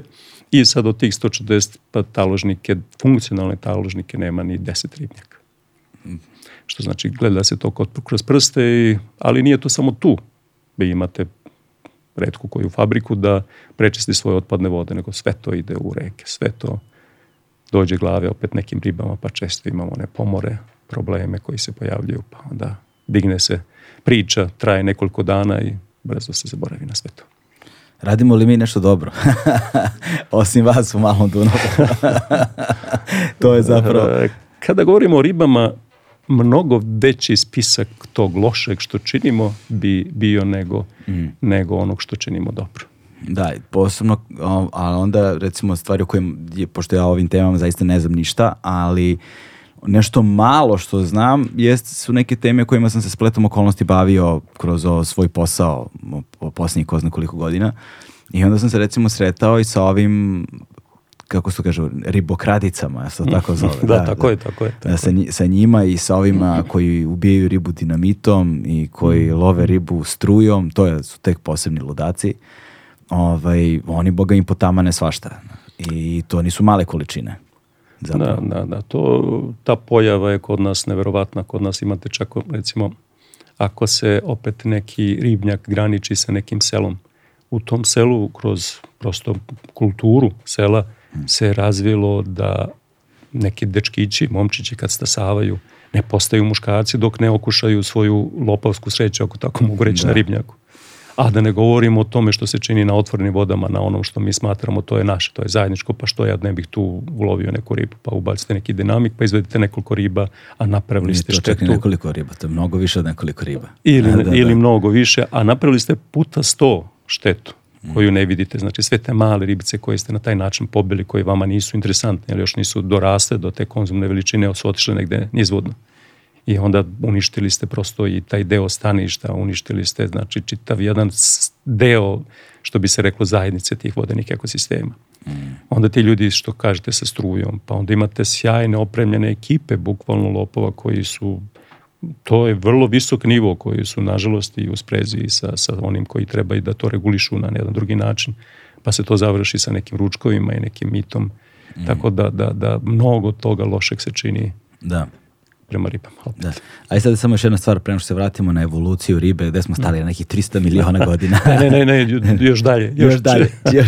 do, do, to je neki 400, ajde kažemo 30 miliona Če, znači, godina. Znači tu da. smo stali, da, ali pre toga samo, evo kad smo već kod, kod, kod ovih stvari, zanima me, ako bismo poredili sad šta bi bili relevantni podaci, šta bi bile relevantne vremenske odrednice, ali kad bismo poredili riblji fond danas, na određenom slivu u odnosu na riblji fond, ne znam, pre ajde, 50 godina, nemam pojma koliko. Mm, mm, šta vi bolje znate, šta podaci, šta podaci kažu, kako, šta smo uradili? Pa evo, da opet što kažu, pogledamo prvo u svoje dvorište, da ne Tako idemo je. dalje. Jer najbolje je prvo u svoje dvorište, pa tek onda gledati mm. kod komšija preko plota. Evo recimo Dunav danas e, se iz reke Dunav po zvaničnim podacima Republičkog zavoda za statistiku izlovi negde oko nešto malo više od 2000 tona ribe. Godišnje? Godišnje. I sad recimo nađemo podatak da je u vreme e, recimo Miloša Obrenovića kada smo dosta izvozili svinje što, što nam bio glavni izvozni artikal i tada je Srbija postala moćna zahvaljujući činjenici da proizvodila te mangulice koje su našle svoje mesto po suncem na tržištu zapadne Evrope, ali tada smo jako puno izvozili recimo i ribu, mm što se skoro i ne, ne I tada recimo postoji podatak da je od Mohača do današnjeg Zemuna znači taj, ajde da kažemo, deo Dunava kroz Srbiju, izlovljavano godišnje 22.000 tona ribe. E sad, koje, čekaj, koja, koja, je to, koja je to dužina? Koje to, od, koliko kilometara to ima? To je, e, da kažemo, ajde sad, da, e, pola toka kroz... Polovina toka, jest, da. Ajde, znači kroz na, polovini, na polovini toka kroz Srbiju smo iznosili... Čak i mnogo manje. Da. Ali ajde, da, da to prosto bude shvatljivije recimo onom ko nas sluša. Da, da, znači danas... Da, dakle, za danas za celokupan tok kroz iznos, Srbiju, tako kroz je. Srbiju iznosi 2000, tona. A tada kroz eto manje od polovine 22.000 tona. Wow. I to, to je ono što, što postoji negde zapisano, znači da, da nisu prosto pretpostavke. E sad kažemo, da li je to moguće? Pa to je znači 20 puta više, a današnja tehnika izlova daleko je iznad one koja je nekad bila nažalost je moguće. E sad, zašto danas ima samo toliko ribe? Prvo, taj podatak 2000 tona, odmah da kažemo, nije realan. To je sigurno znatno više, ali prosto niko ne prijavljuje realno stanje. Aha. I onda to, recimo, slobodno bi moglo reći, nekad je to bilo nekih 6000 tona, ja bih rekao da je to i danas oko 6000 tona. Ali opet, daleko manje od tog perioda pre nepunih 200 godina. Da, da, da. I sad onda postavite pitanje, a što kako to danas su znači mnogo moćni svi alati koji se koriste u ribolovu, deset dela ta riba. Pa polako je nestajala. Zbog čega? Prvo smo vode zagađivali, pa onda smo okovali reke. Evo samo jedan recimo primjer opet koji je lako prijemčiv svakom ko bude slušao. Nekada je Novi Beograd bio plodište riba, ciprinih šaranskih vrsta. Jer tamo se Dunav izlivao i onda su tu se razmnožavale ribe. Danas je to grad. Da. Što znači nema tog dela, nema plodišta. I ne samo Novi Beograd, nego čitav Dunav je manje više okovan kroz Srbiju. Tu i tamo su ostali još neki mali prostori gde se može izliti, a u stvari na tim plavnim zonama se većina tih takozvanih ciprininih šaranskih vrsta riba razmnožava. Što znači vi ste ta plodišta praktično uništili. Onda smo napravili recimo zašto nemamo više morun uzvodno od, od Đerdapa, dole u Kladovu, Đerdapske akumulacije, napravili smo te dve pregrade opet zbog potrebe recimo za struju. Ali u tom momentu nismo razmišljali da bi trebali i sad ne razmišljamo i skoro niko se ne bavi time da uradimo riblje staze. Da te ribe, recimo evo konkretno Morona, može uzvodno i dalje da ide, da ide opet do Nemačke, da se prosto obnovi taj neki riblji svet, mm. te, te ugrožene vrste ribe. Da li bi se, da li bi se Moruna vratila ukoliko bi se te ne, ona je tu. Ona je, ne, tu, ona je tu. Ona praktično dolazi do, do Đedapa 2, do, dole Brane 2 znači u Prahovu.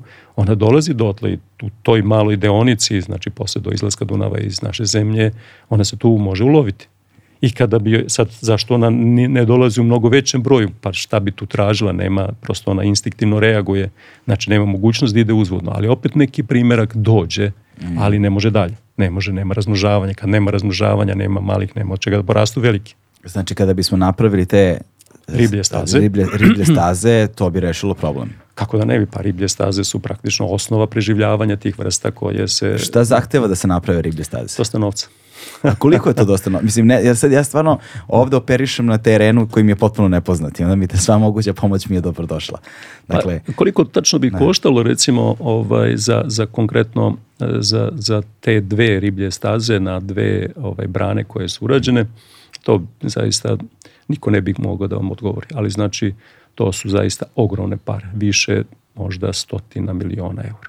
Mm, da se izgrade te riblje staze. Da se urade te riblje staze ali opet... E, ali, prosto, ali njihov, njihov značaj je ono, neprocenjiv. U, u dugoročnom smislu to je i tekako isplativa investicija, ali kratkoročno gledano što bi se reklo ima mnogo drugih, kako drugi kažu, prečih poslova, mada ja ne mislim da su to preča posla, jeli treba da. razmišljati o nečem što je dugoročno i što je bitno i važno. To sam jednom čuo. Ja, e, sam, samo ako da. mogu reći, e, u Sturiblju stazu možda se napravi sjajna atrakcija, recimo da se urade bukvalno muzej, koji će biti ekstremno posjećen da se prikaže taj život Morune, da se kroz neke e, liftove, da ih tako nazovem, podizanja tih naprave mogućnosti mesta gde će se bukvalno pokazati sve ono što je bitno za Morunu. Ja verujem da bi ljudi iz čitavog sveta dolazili da to gledaju. Što znači, to nije samo ona ekonomska kasnija isplativost kroz to što će Morune biti više u Dunavu i što će biti u, u, u duž toka uzvodno od, od Srbije. Mm. Znači, nego i taj neki indirektna korist da bi ja moglo bukvalno, vi danas idete, ne znam, tim, tom džerdapskom ovaj, magistralom i prođe, ne znam, minut, dva, tri, ne sretnete nikoga. Da. Prosto idete tim delom Tako koji je. je prelep tamo posle kladova i ne, ne, ne nailazite na ljude, nema ljudi, a čini mi se najlepši deo Srbije. Ne. Prosto ljudi negde otišli. E sad, taj čitav deo mogli biste oživeti zahvaljujući tome što biste napravili riblju stazu, uz nju neki muzej koji bi bio jako posjećan, da biste prikazali život te neverovatne, te kraljice svih velikih voda. Da, da, pa da, listina je taj istočna Srbija generalno tamo i sa tim bivšim radničkim naseljima, mislim bivšim, ono, sa tim propalim industrijama, sa ovaj, propalom infrastrukturom, sa brojnim ono, stvarima koje su se tamo desile već koliko godina unazad, uh, Jeste, ono, bili smo mi tamo, putovali, boravili i mhm. putevi su u velikoj meri, ono, mhm. nisu baš, nisu baš najbolji, da kažemo da, da tako. Da. Ove, ovaj, ali je divlja priroda. Divlja, prelepa divlja priroda, i najlepši prelepa. deo, da kažem, ja sam recimo opet vezan, inače sam rođen u zapadnoj Srbiji i mnogo da. volim zapadnu Srbiju, prosto što kažu odakle ste to i mnogo volite, da. ali kad vi odete tu istočnu Srbiju, vi prosto ne možete da verujete da ta lepota je lepota bez ljudi. Da, da. Ta, ta priroda je toliko ono divlje lepa da čak postoje trenuci kada te malo i uplaši.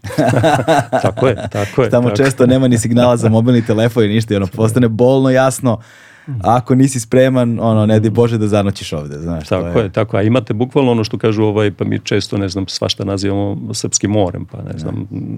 kažemo ovaj, Srebrno jezero, međutim, to u odnosu na ono što, što je potencijal Dunava u tom delu Ne. Da. Recimo od Kladova prema Brzoj Palance, tako beše se dove Dolone i lepi gradić.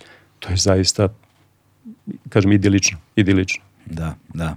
E sad da se vratio mi na ovih, koliko smo miliona godina unazad, 400? Da, da, tu negde 430, znači nastaju te prve ribe, onda naravno posle se to polako, ovaj, što bi se reklo, razvija, dolazi do neke velike diversifikacije, unazad 200 i nešto miliona, gde nastaju te košlju ribe kojima danas pripada preko 90-96% recimo poznatih vrsta slatkovodnih. Šta znači košlju ribe? Košlju ribe znači one koji imaju košteni skelet. A, okej. Okay. Da, opet to je ono malo pre što da, smo. Da, da, da, da. Tako da, da, znači te, da kažemo sad savremene ribe. Tako da, da, e sad koliko danas ih ima, ja skoro nisam baš negde naišao na neki najsvežiji podatak, ali neki preko 34.000 vrsta. Iako ćemo recimo učbenicima koji su stari svega nekih desetak, 20 godina naći preko 20.000 vrsta, što znači opisuje se stalno neke nove. Stalno dolazi do to neke diversifikacije i otkrivanja nekih novih. Mm. Upravo evo, počeli smo priču sa ovim akvarijumskim, pa onda pogledate samo u onim petradnjama, vidite koliko toga se nudi, pa onda shvatite da je taj svet zaista velikog diverziteta. Jeste, da. A kakav je diverzitet kada govorimo o našim zemljama ovde u regionu? U, u Srbiji, recimo, konkretno žive negde oko stotinak vrsta. Znači, relativno mali, ali dobro to je, nije ni mali diverzitet ovaj, kada bi samo sačuvali. E sad šta je loše recimo od toga? Od tih 100 vrsta imate 34 strogo zaštićene. Koje su I to? I 29 zaštićenih, što govori znači da je 34, e, 63% su već ugrožene. Da, da. E sad koje su recimo od onih koje, koje opet znamo Ovaj, pa evo, pomenuli smo recimo morunu, sve jesetarske vrste njih, pet vrsta su strogo zaštićene, onda ne znam, ona mala recimo umbra, onda ne znam, e, e recimo kečiga od skoro, to je isto jesetarska vrsta, Tako da onda te neke zaštićene, sve ono što imaju neki stepen zaštite u periodu mresta, šaran, som. Da. Tako da, da, da. da.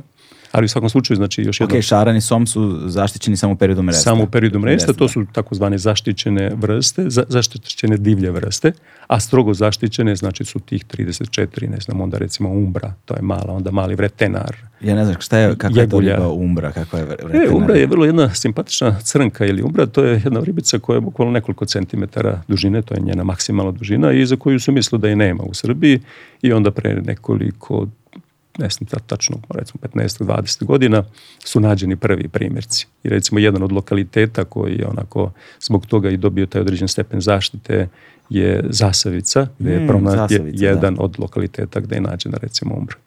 Da, Tako da, da. na tome je i nastala ta ta Mosimketova priča sjajna za svaku pohvalu.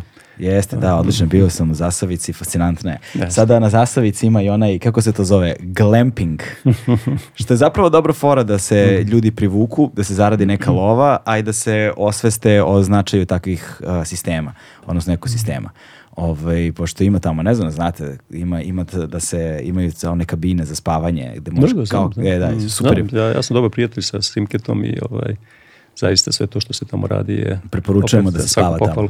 Da, idite, spavajte tamo. I ne samo da se spava, ne samo da se spava, nego bukvalno da se provede tamo neki dan. Mhm. Ljudi često kažu, bio sam u Zasavici, pojao sam tamo, ne znam, ovaj... Mangulicu. Onaj, jeste, jeste, taj neki gulaš i, i onda sam bio tu. Ako sam eventualno seo na onaj e, brodić, e, i, i to je... Ili se popili na Vidikovac tamo. Jest, i, tako. I, I tu, e, što, to opet ovaj, 95% ljudi to smatraju zasadicom, a da nisu malo prošetali tamo, malo se družili sa onim magarcima opet i sa da. tom sjajnom pričom koju je opet jasno, ovaj, jasno. napravljena i za svaku pohvalu još jednom. Dakle, 34 vrste su strogo, strogo, strogo, zaštićene. Strogo da. zaštićene. Da. Kada kažemo strogo zaštićene, verovatno pretpostavljam, pretpostavljam da je, govorimo da je njihov broj veoma nizak. Tako je, tako je. A, da, su, da, su, da, su ugro, da je njihova egzistencija ugrožena u potpunosti. Šta to znači kad govorimo o brojkama? Da li mi, na koji način se prave uopšte vode evidencije, kako znamo koliko tih riba ima, a koliko bi trebalo da ih ima? Pa kako se, praktično se rade te analize, znači svaki korisnik ribolovnog područja, ribolovne vode neke, a to se opet pravo korišćenja e, dobija na osnovu konkursa koje raspisuje nadležno ministarstvo, ministarstvo zaštite životne sredine, e, znači u obavezi je da obavi istraživanje, odnosno da angažuje neku istraživačku kuću koja će proceniti koliko je, da kažemo, ta voda bogata ribu. I onda se naravno predlažu mere zaštite, onda se porede ti podaci od, da kažem, sadašnjih analiza sa pređašnjim, pa se vidi ako je nešto smanjeno, pa smanjeno ne samo tu, nego i na drugom, na trećem, na petom mestu, onda znači da je to već ozbiljan problem. Imamo recimo ne. neke vrste koje su bile u velikom broju, ne znam, recimo linjak je do pre 30-40 godina ste ga mogli kupovati u ribarnicama, sad ga više nigde nema. Ne. Tako da, da imate puno tih vrsta koje ste i tekako, e, evo recimo da zlatni karaš često lovili danas, zlatni karaš je samo tu i tamo ga negde nađete. Dobar. Ja ne znam ni šta je linjak, ni šta je zlati karaš. A jel znate recimo šta je, šta je uh, e, cerglan? Kako? Cverglan. Cverglan? Yes. Ne, ne, šta je e, cverglan? E, cverglan je recimo sad suprotno od ovih koji su naši autohtone, to je jedna jedna alohtona vrsta, znači neka koja je dospela negde sa strane, nekada, tamo nekih 50-60 godina. Ima jedna pričica da su i naši političari bili u Americi, pa im se dopao inače jako ukusna riba. I onda su je tada uvezli i tada se počela širiti svuda po Srbiji. To je jedna od pretpostavki. I danas imate da u većini naših voda se nalazi taj cverglan, što je jedno veliko zlo, u stvari tamani sve oko sebe još je naziv američki somić, pa onda oni skloni koji ovaj, ne vode baš mnogo zapad, pa kaže, a, čim je američki, tako da. To je ovaj američki somić, sverglan, terpan, kako ga negde zovu, kako ga gde zovu, ali jedna vrsta koja je neverovatni predator, koja se jako širi, koja bukvalno znači je toliko halapljeva da skoro sve uništi oko sebe. A mm. ono što je zanimljivo, recimo, vrlo ukusna riba, zaista jedna od najukusnijih. E šta je loše ono što recimo u Americi raste do nekih 2 kg, a ovde kod nas e, najčešće u vodama do stotina grama. Mada mi smo radili ovaj, jedan mali eksperiment i u saradnji sa kolegama, oni su i vodili tu priču ovaj, sa Biološkog instituta, koleginicama. E, recimo, oni su sad radili jedan deo priče, a mi taj koji se odnosi na akvakulturu, kad kažem mi, mislim na poljoprivredni fakultet, i recimo uspeli smo da odgajemo od svrglane do nekoliko stotina grama što znači da ih napravimo konzumnom veličinu koja je vrlo interesantna za nas ljude koji volimo da konzumiramo ribu. Dakle, u, u njihovom slučaju uh, ribolov bi bio sjajno rešenje, ali nisu dovoljno velike da se iko bavi time.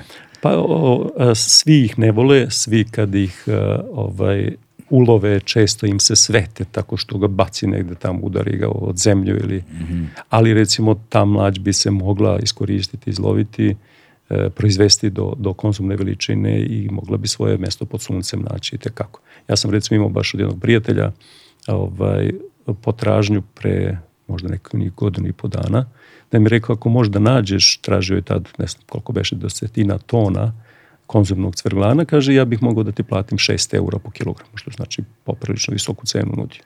Međutim, u tom momentu da ste pokušali da nađete u Srbiji nekoliko desetina kila, vi ih ne biste mogli skupiti, ali kamoli nekoliko desetina tona. Da, sad to otvara pitanje uh, koliko stanište, na koji način utiče na ovaj, rast ribe, znači na njenu veličinu, šta je, koji su to faktori koji utiču i koje zapravo, na, da li postoje ono, pošto znam da u vodenom svetu postoje uh, ono, u toj fauni postoji svet koji raste koliko mu je stanište veliko.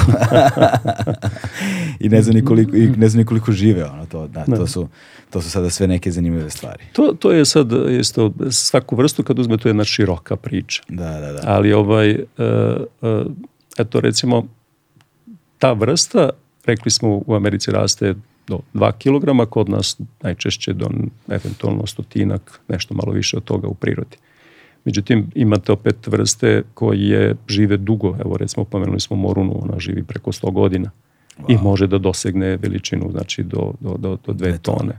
Tako da svaka vrsta ima svoju priču. Teško je to generalizovati, Jasne. znači koliko, gde, šta. Ali što je zanimljivo, recimo, svaka vrsta, posebno te invazivne vrste koje kad dođu, one žele naravno da opstanu, da čevito se bore, da nađe svoje mesto po suncu, u stvari da nađu gde je njihova ekološka niša šta je to sad njihov deo gde oni mogu da funkcionišu. I sad ako imate neku opet koja koristi istu tu ekološku nišu, evo primjera recimo malo, malo pre sam pomenuo zlatnog karaša, sad zlatni karaš je jedna vrsta pripada ciprinidama, njena, ro, njena, uh, njen rođak je u stvari srebrni karaš. I kada je srebrni karaš dospeo u naše vode, to je babuška, poznata kao babuška, ona je krenula neverovatno brzo da se širi, da prosto potiskuje zlatnog karaša. Zašto? Zato što u stvari koristi njenu hranu, njen resurs, njen prostor, njeno mesto za razmnožavanje. A ima neverovatan sistem prilagođavanja, čak i ne treba mužijaci, recimo babuške, zato se zovu babuške, dug period nisu trebali mužijac, nego su se razvijali iz neoplođenih jaja. I sad zamislite taj adaptivni sistem kod jedne ribe, da ona se razvija na, znači ne treba muško, samo dovoljno je jedno žensko, što bi se reklo čeljadi, da nastane od njega koliko god hoćete tih da, novih da, da. ribica. E sad, recimo, kada se polako te populacije, znači te grupe tih riba na jednom prostoru stabilizuju, onda njihova brojnost se smanji. I dobar znak, kad konkretno govorimo o babuškama, da su se recimo pre nekoliko godina pojavili deduške, odnosno mužijaci, to znači da se sad oni će njihova brojnost i vidi se već po nekim podacima da polako pada.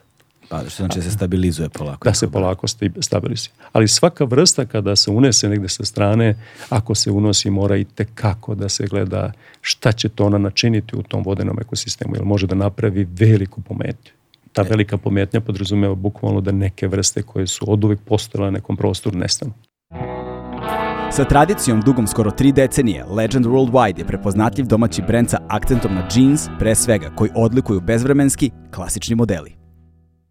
E, kako, kako stoje stvari sa, u vezi sa time kod nas? Jer ovaj, poznate su nam priče one, u, i u svetu i svuda načina koji su invazivne vrste menjale celokupan ekosistem i dan danas postoje problemi s, u, sa njima na širom sveta. Kakvi su problemi bili, ne znam, na, u Australiji sa beše zečevima, mačkama, šta su, ne, ono, žabama, šta su mhm. beše, šta su beše uvozili, kakav su problem napravili, ne znam, u Sjedinim američkim državama u Evergladesu sa uvođenjem ono, pitona, tih anakondi, mhm. tih zmija i krokodila, šta, šta već nije bilo prirodno stanište koji su potamanili skoro sve što tamo postoji. Ovaj, I tako dalje.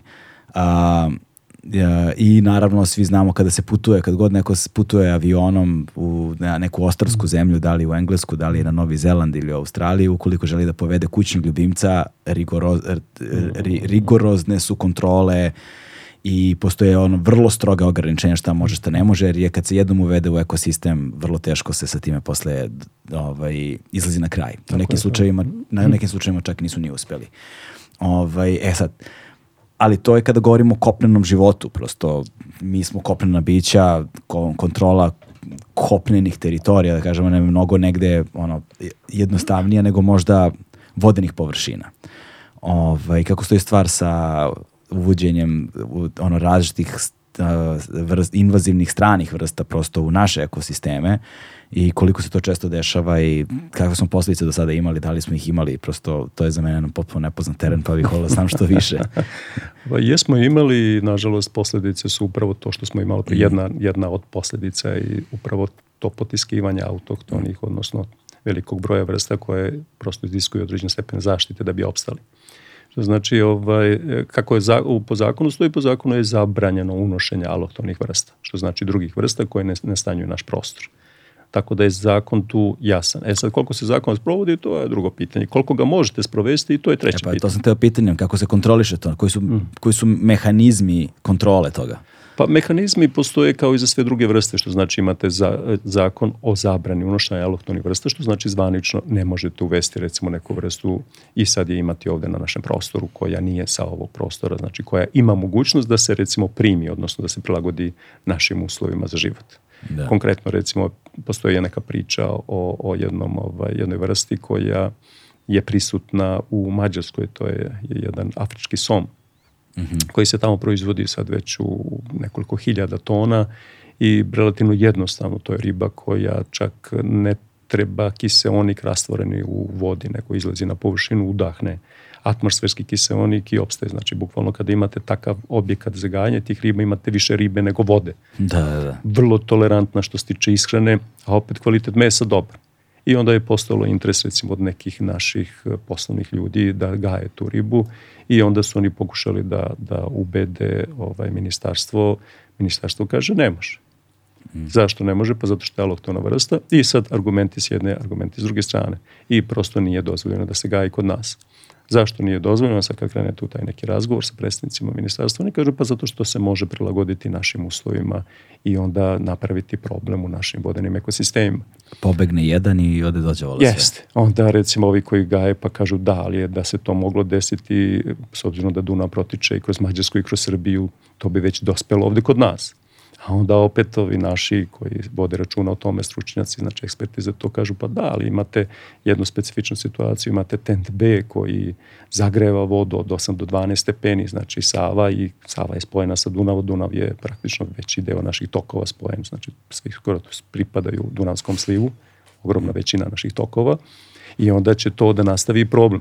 I sad kad pogledate u stvari koje to... Čekaj, nisam problem? razumeo kak, uh, eh, eh, kakve veze broj stepeni ima.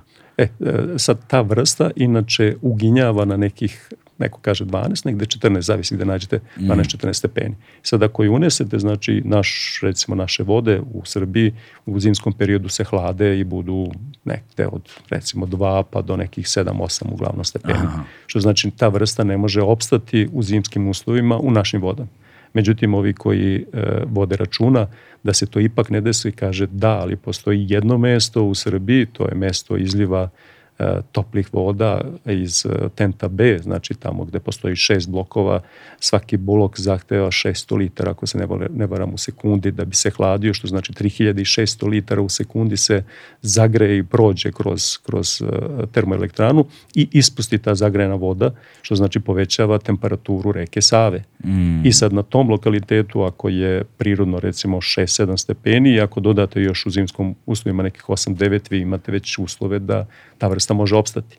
E sad kada ona opstane neki period kasnije već počinje taj e, period aklimatizacije možda smanji taj svoj minimalni nivo temperaturni u kome može opstati. Dakle, evoluira praktično riba. Tako je, tako je. Prosto prilagođava se. Znači, ono što je kod svakog organizma, to je neverovatan taj borba za opstanak. Vi kad pogledate bilo šta, na šta ne obraćamo pažnju, ali svako se neverovatno bori da preživi. Tako mm. isto to rade i, i, i ribe na razne mehanizme, razne načine to uspevaju. Pa evo pogledajte mi ljudi koliko se borimo za svoj život, a tek za život svoje vrste. To je da. jedna najveća borba je upravo ta borba. Koja je najinvazivnija vrsta koja se pojavila kod nas ikada? Od riba? Da. Pa možda upravo taj cvrgol malo prepomenuti. Da. Možda upravo Da, i sada, a koliko se često pojavljaju a, koliko se često pojavljaju te invazivne vrste ili prosto uvođene strane vrste tih halotonih vrsta, vrsta u naš jel te, ekosistem s jedne strane, a s druge strane kada primetimo recimo da nešto postoji, ovaj, da li postoji neki sistem, ne znam kako bismo to nazvali, ranog upozoravanja ili neki sistem prevencije, odnosno ne, to već niše ni prevencija, ali način sprečavanja daljeg širenja, kako se, kako se kako se hvata koža s tim problemom. Mislim, prosto je to svet pod vodom, da. da. na koji način se kontrolišu tolike površine, na koji da. način mi zapravo tačno znamo šta se dešava i to kontrolišemo to. Pa evo, najprej kako dospeva. Dospeva na razno razne načine. Evo, jedan od načina, recimo, akvaristika. Mm -hmm. Sad, jedna vrsta, to je ovaj, sunčica, je upravo dospela iz, kad je preraste akvarijume, pa s ljudima žao da svog ljubimca unište, da ga ubiju, onda kaže, ajde da ga bacimo u reku I onda ta recimo vrsta, to je naučno dokazano, je se prilagodila i živi sad već u našim vodama. Šta je sunčica? To je jedna vrsta ribe koja je onako lepa, da kažem. Mm -hmm. ovaj, i, i, Ako, pa ima... pa čim je za akvaristiku, da. Tako je, tako je, tako je. I sad je ona prisutna u našim vodama i način dospeća je bio taj. Drugi recimo način dospeća je putem akukulture. Sad mi želimo da gajimo neku vrstu, evo pomenuli smo malo pre tog afričkog soma mm -hmm. i sad da smo ga, da je dozvoljeno da ga gajimo, možda bi se desilo zaista da se ono jednog dana prilagodi u tim uslovima koje smo malo pre opisali. Mm -hmm. Tako da, da to su recimo neki od načina. Onda recimo postoji način sad i prirodni da dođu negde sa, sa recimo tim međunarodnim rekama, Tisom, Savom, Dunavom da dospeju u naše vode. Tako da postoji mnogo načina kako mogu dospeti što se tiče naših voda. I to e, se dešava, vjerojatno. Da, da, pa to se dešava. To, to, je, to, prosto, je, to, ne, to ne može se zaustaviti, to je prosto priroda tako. Pa to je, nešto može. Recimo da. negde, evo, imamo jedan slučaj koji nije, nisu u pitanju ribe, ali nešto što je opet nama svima blisko, vrlo često smo kupovali one ovaj, kornjače, crveno uhe, mm. takozvane američke, i onda kupimo dečici, dečica se obraduju, imaju svog ljubimca, kornjaču, i sad opet ta crvenuha kornjača bude zanimljiva, lepa deci jedno vreme, E onda sad kad preraste taj prostor koji je njima namenjen, onda vrlo često su te završavale u našim vodama. I sad kažemo, evo naša kornjača je tu ovaj, završila, e, napravila svoju porodicu, opstala, pa smo nekako individualno srećni. A ne razmišljamo na drugoj stvari. Da postoji naše autohtone, to je takozvana barska kornjača, koja je potisnuta opet ovom mm. alohtonom vrstom i onda šta se desilo? Onda su zabranili uvoz. Znači sad ako se nađe negde da, da, da ovaj, e, neko to proizvodi tu vrstu i da je prodaje, to je kažnjivo.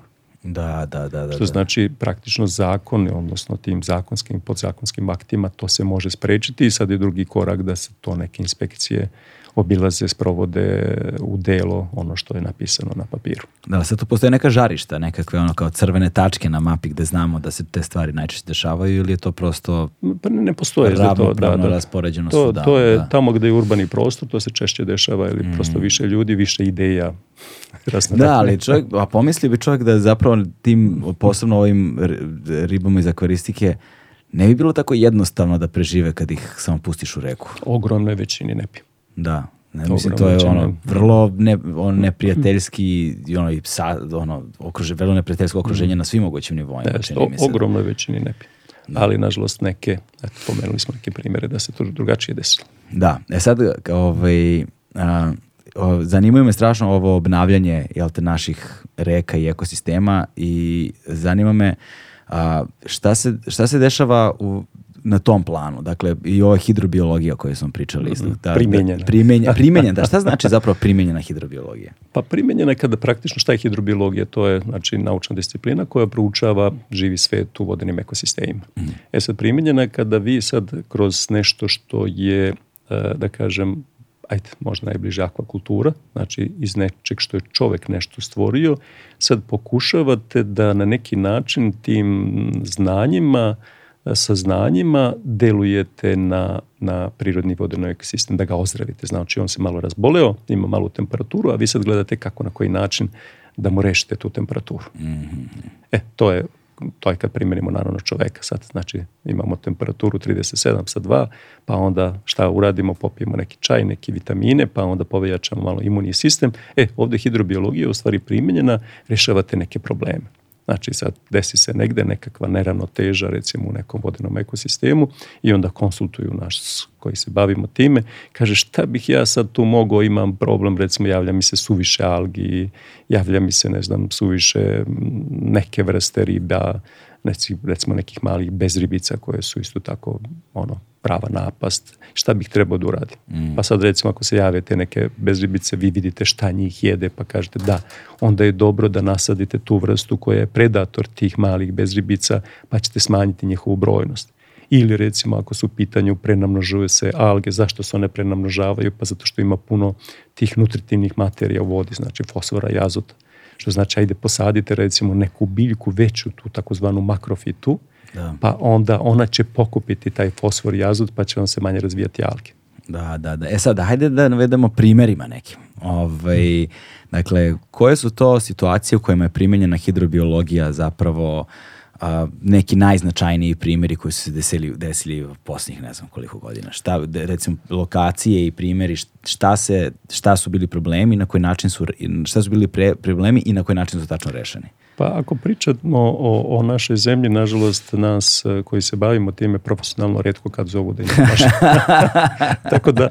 E, znači evo, posapali smo se na prvom koraku. E, okay. Tako da, da, da ne imamo puno primjer. Imate vrlo često recimo, e, evo, konkretno ovaj, pojavio se problem, e, sad Izvinjam se, da li bi recimo pravljanje ribljih staza kod Đerdapa bilo, na primjer, da, da, to je primjenjena to. hidrobiologija. To, to je segment, naravno, tu mora da se uključe hidrograđevinci, jer morate da uradite kako valjate prelaze, da li su to liftovi ili su bukvalno te staze, znači... Kako se te staze mora, prave? Mora... Šta bi se tu kao, došli bi bageri, iskopali? Ne, ne, ne, mislim, imate, ne znam, prosto da, ja da, lupetam, ali pričam ovako da, na pamet. Da. Imate u stvari e, više načina. Šta je bitno? Bitno je da vidite, da sagledate prvo, ako konkretno govorimo o ribljoj stazi, recimo na, na Đerdapu 1 I sad imate onu gornju tačku u jezernu vodu mm -hmm. i mhm. imate donju tačku. Imate već denivelaciju terena. I sad vi treba da spojite ta dva dela. Što znači trebali biste da uradite neki veštački kao jedan rukavac. Mm -hmm. Međutim onda pogledate na licu mesta i kažete a ah, koliko bi to trebalo kilometara da bude i koliko bi to koštalo, to bi jako skupo bilo. Onda kažete dobro to onda možda je lošija varijanta onda kažete, aha, možda je alternativna opcija da napravimo nešto kao lift sa vodom, kao one prevodnice za brodove. Okay. I sad recimo u tu prvu, taj prvi segment uđu matice, mm -hmm. pa onda zatvorite, pa lako podignete taj kao liftom vodu, pa onda prevedete te matice u drugi segment, pa drugi ponovo liftom u treći i na taj način prosto napravite te prevode i da dođete da rešite problem te denivelacije terena. Uf, ali kontrola tih prevoda, to bi, koji je to sistem kamera, senzora, čega tako je, koji tako, bi pa, morao da prati kada su se nakupile dovoljno pa da se to zatvara, pa tako pa je, tako svi ti pokretni mehanizmi i to. Sad, zato smo pričali o, o, o cene stotina miliona, to je ono što, što je neophodno. Da, da, to baš zvuči ultra e, savremeno. E sad, da. šta se recimo radi na tim, sad imate puno tih malih hidroelektrana, znate već da, da, čitavu da, da, da. Ovaj, poviku i problematiku oko toga. Tu se to relativno lako uradi, bukvalno se uradi kao nekakva staza koja je na cik-cak i na taj način rešite taj taj problem denivalacije terena i kada recimo potočna pastrumka krene uzvodno da, da prođe u svoj deo gde, gde bi se mrestila, u te neke pliće vode, ona bukvalno ide kroz taj mali lavirintić, ali nije lavirint, nego on bukvalno ide cik-cak, cik-cak, cik-cak, cik i polako dođe do onog višeg nivoa. Mhm, mhm, mhm. Znači okay. sad opet rešavate, e, rešavate problem na različit način.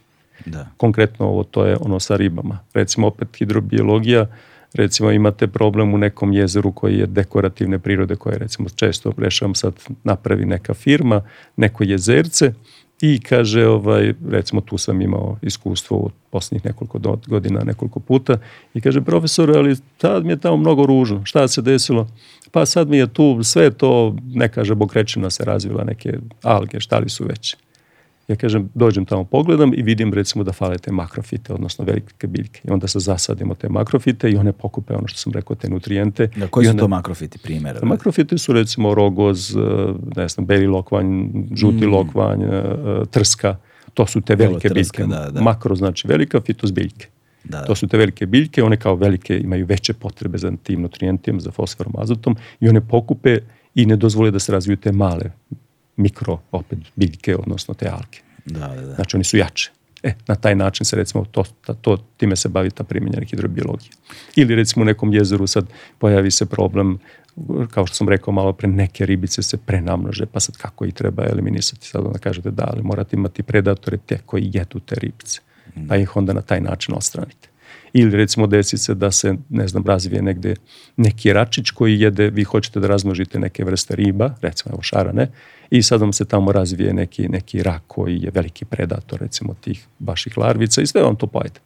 I sad na koji način to jezerce možete ponovo staviti u funkciju, onda kažete, e sad neću tu da bude mi to neko plodište, nego ću da stavim sad tu velikog šarana. Pa će onda taj veliki šaran da pojede ovog malog raka. Mm. I za nekoliko godina će eliminisati u stvari tog malog raka posle 5-6 godina i onda možete ponovo da se vratite da tu gajite larve. E, to je ta primjenjena hidrobiologija koja se bavi tim problemom. Ajde, pošto se saplićemo na prvom koraku stalno kad govorimo ovaj, o, o velikim rešenjima, a, koje su najkritičnije, koji su najkritičniji problemi kada govorimo o vodama i o ono, biodiverzitetu, o hidrobiologiji, kad govorimo prosto o vodama u Srbiji, koje su najkritičnije tačke, najugroženije, Ovaj, I šta bi bila dobra, poput recimo ovih staza za Morunu, mhm. šta bi bila, i šta bi bila najbolja rešenja za koje vas je to još uvijek niko nije kontaktirao? Pa evo, prvo rešenje, prvi znači, je problem. eliminisati problem. Da. Eliminacija problema od strane zagađivača. Mm. To je prvi problem. Koje su najzagađeniji delovi? Drina? E, Pa ne, ne, Dorina je još uvek čista i da. sjajna, pa što idete nizvodnije, to je sve zagađenije. Da. bilo da, šta, da, da, da. bilo šta da gledate bilo koju tekućicu, imate taj gornji deo koji je uvek čistar, često možete piti vodu u tim tekućicama, gledate tu istu reku, posle dole pri ušću, onda više ne da smete pijete, nego ne smete ni da se kupate. Da. Ja sećam jednom, bili smo tamo u istočnoj Srbiji, istraživali smo neku Kriveljsku i Borsku reku i sad se tamo ispuštaju te vode otpadne od rudnika. I jedan kolega, moj dobar prijatelj, profesor Sadon u Novom Sadu i onda treba da uđemo u tu vodu da uzmemo uzorke, on kaže, e, ja ovde ne ulazim, znači u čizmama smo u opremi, ovo će mi čudo rastopiti čizme.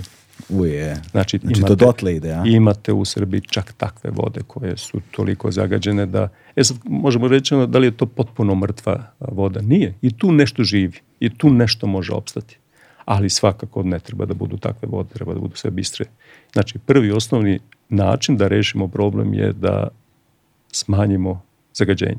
Gde su najveće zagađenje, ali znate? Gde su opet ljudi, gde su industrijske zone. Da, ali jel znamo negde kao, kao tačno ovde, pa, ovde i ovde? Sve, evo, ako govorimo o tim rudarskim delovima, onda te reke su od strane rudnika, pomenuli smo recimo tu Puborsku i Krivesku reku, to su one koje su možda najprljavije koje sam ja evo tokom svog 30-godišnjeg i više godina iskustva, istraživanja mm. imao da vidim. Onda recimo imate, ne znam, neku tešku industriju negde gde se sećam se, sad je to malo ovaj, bolje situacija, recimo reka Đetinja posle, dok je radila recimo valjonica bakra i aluminijuma nekad davno, pa onda posle toga bakra i aluminijuma u, u Đetinji koliko hoćete. Mm. A u uzvodnom delu od recimo Užica, bistra, pitka, sjajna, prelepa. Uje. Tako da je brzo mi pokvarimo. Znači, gde god se nađu ljudi, sad ajde da recimo od, da, sklonimo se od industrije, pa kažemo idemo tamo u ruralne prostore, pa onda tamo imamo poljoprivredu, pa sve ono kad padnu kiše što speru od tih raznih pesticida koje se koriste to u reci. Tako da skoro uh, gde i nema problema, nema problema gde nema nas. gde god nas ima, to je problem. Tu je neki problem. Dakle, a sada što se tiče primenjene ovaj, hidrobiologije na pojedinim mestima, recimo sigurno sam da ima vrlo puno problema sa gomilom jezera, sa brojnim mestima, šta bi moglo da se uradi, na kojim mestima bi to moglo da se uradi, a da vas niko nije kontaktirao, ali evo, kaže, pa, dobar evo, dan, imamo rešenje, zovite nas. Da. evo recimo, desilo se opet jedno lično iskustvo, e, ponovo ću o svom gradu gde sam proveo mladost, to je i o reci koju mnogo volim i koju, na kojoj sam odrastao, to je reka Đetinja, i pre nekih, sad već ne znam tačno koliko, 7-8 godina, se desilo da odjednom se pokazalo da grad Užice više ne može da se snabdeva iz vrutačke akumulacije. Zašto? Zato što je došlo do prenamnožavanja nekih algi koje pripadaju jednoj grupi, da kažemo, algi koje, vrše, koje e, luče nekakve toksine, mm -hmm. e, takozvane ovaj, cijenotoksine. I sad recimo tu ja sam očekivao s obzirom da jedan broj tih mojih zemljaka znaju za mene, naravno, davno sam ja otišao iz Užica, ovaj, da će me neko pozvati nešto tu da popričamo na tu temu. I čak sam, ovaj, tu si postoji jedan, jedna užičke ovaj, novine koje se zvale Užičke nedelja uh mhm. -huh. i ovaj, tu sam imao jedan intervju sa, sa ovaj, novinarom s kojim sam razgovarao na tu temu i onda sam predložio rešenje. I očekivao sam posle toga da neko me pozove da popričam. Nisam imao nikakav poziv. Wow, da. Nisam imao nikakav poziv, doduše posle sam vidio da su neki stručni ljudi nešto rešavali, nešto radili, ne znam šta su, dokle su stigli posle, mm. ali ovaj, čini mi se da se umešalo onako, da kažem, više da se potroše pare i da se ima opravdanja za to nego da se reši problem. A opet tu, da. osnovni problem je oko te akumulacije ima dosta onog što ne sme da ima, samo se eliminišu ti uzroci zagađenja, ne dozvoli, se, ne dozvoli se kupanje, ne dozvoli se poribljavanje onog što ljudi žele, nego ono što je logično za tu vrstu vode i problem je rešen. Da. I naravno ono što je ovaj, da se ne dozvoli da se ispušta voda u nekom konkretnom tom periodu prema potrebi neke u opet datom momentu hidrocentrale nizvodno locirane na samom ispustu. Znači prosto sve vidite ljudski faktor zabrljao sve gde je trebalo nešto primeniti, primeniti postojeće zakonske akte nije odrađeno i sad razmišljamo, aha, veliki problem, pa naravno da je problem, mora da bude, kako drugačije. Da. Da li postoje riblje vrste koje smo istrebili u skorije vreme? Pa imamo sad e, ono... Kojih više da, nema da, da, da, imamo recimo, e, neću reći istrebili da, i, da su potpuno nestale, ali koje su pred samim istrebljenjem. To pa je recimo, eto taj, pomenuli smo Zlatni kraraš, Linjak, Umbra koja ima na svega nekoliko lokaliteta, Tako, Moruno smo potesnuli skoro potpuno, znači ima je samo u tom delu uh, nizvodno od uh, e, 2, tako da, da neke jesetarske vrste isto tako, tako da. Da, da. Čože, to je, ne, to je nevratno. A kada govorimo o samim, da se vratimo sad mi na same ribe malo, mm -hmm. ovaj, kad govorimo o, o, o razvoju, jel te, kroz onu evoluciju koju smo počeli da pričamo riba, kad govorimo o razvoju, ne znam, ja ne znam puno o ribljoj inteligenciji, ne znam puno o, o, o ribljim društvima, ali postoje uopšte nešto takve stvari, kao u tim jatima i to, kako, kako, zapravo, ona funk, kako zapravo one funkcionišu. Znaš, gledali smo svi one sumanute snimke sa BBC-a i tako dalje, gde zapravo vidimo tu neku pravilnost u prirodi, kao recimo kod jata ptica, kao vidimo kod jata riba, takođe slične stvari, posebno u šti, zaštiti od predatora, kod tim, ti mehanizmi zaštite, ono, kod tih mhm. slab, manj, manjih riba kad govorimo, i tim jatnim ribama, jel te, kad mm. govorimo ovaj, o načinu gde su brojnosti zaštite od predatora, pa kroz recimo o, silne otrove koje razmi, razvoj, razvijaju, pa ne znam, ove mhm. koje praže predatore svojim uh, kako bih rekao, naduvavanje, napumpavanjem, mm. naš uvećavanjem i tako mm. dalje. Dakle, koji su sve te mehanizmi, kako ta evolucijna biologija funkcioniše zapravo kod riba i šta su najzanimljiviji primjeri možda i kod nas? Pa evo, vi ste ih dosta nabrojali. Tako da.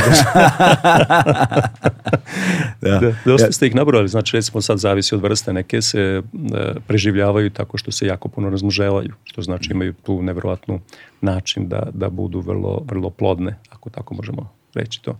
Neke se konkretno štite recimo od neprijatelja upravo na neki od tih načina, tako što svetle, tako što nisu ukusne, tako što imaju neku bolju koja im mm.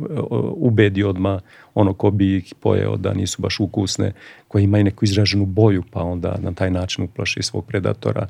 E sad, kako one funkcionišu u okviru svoje zajednice i tu naravno postoje određena pravila.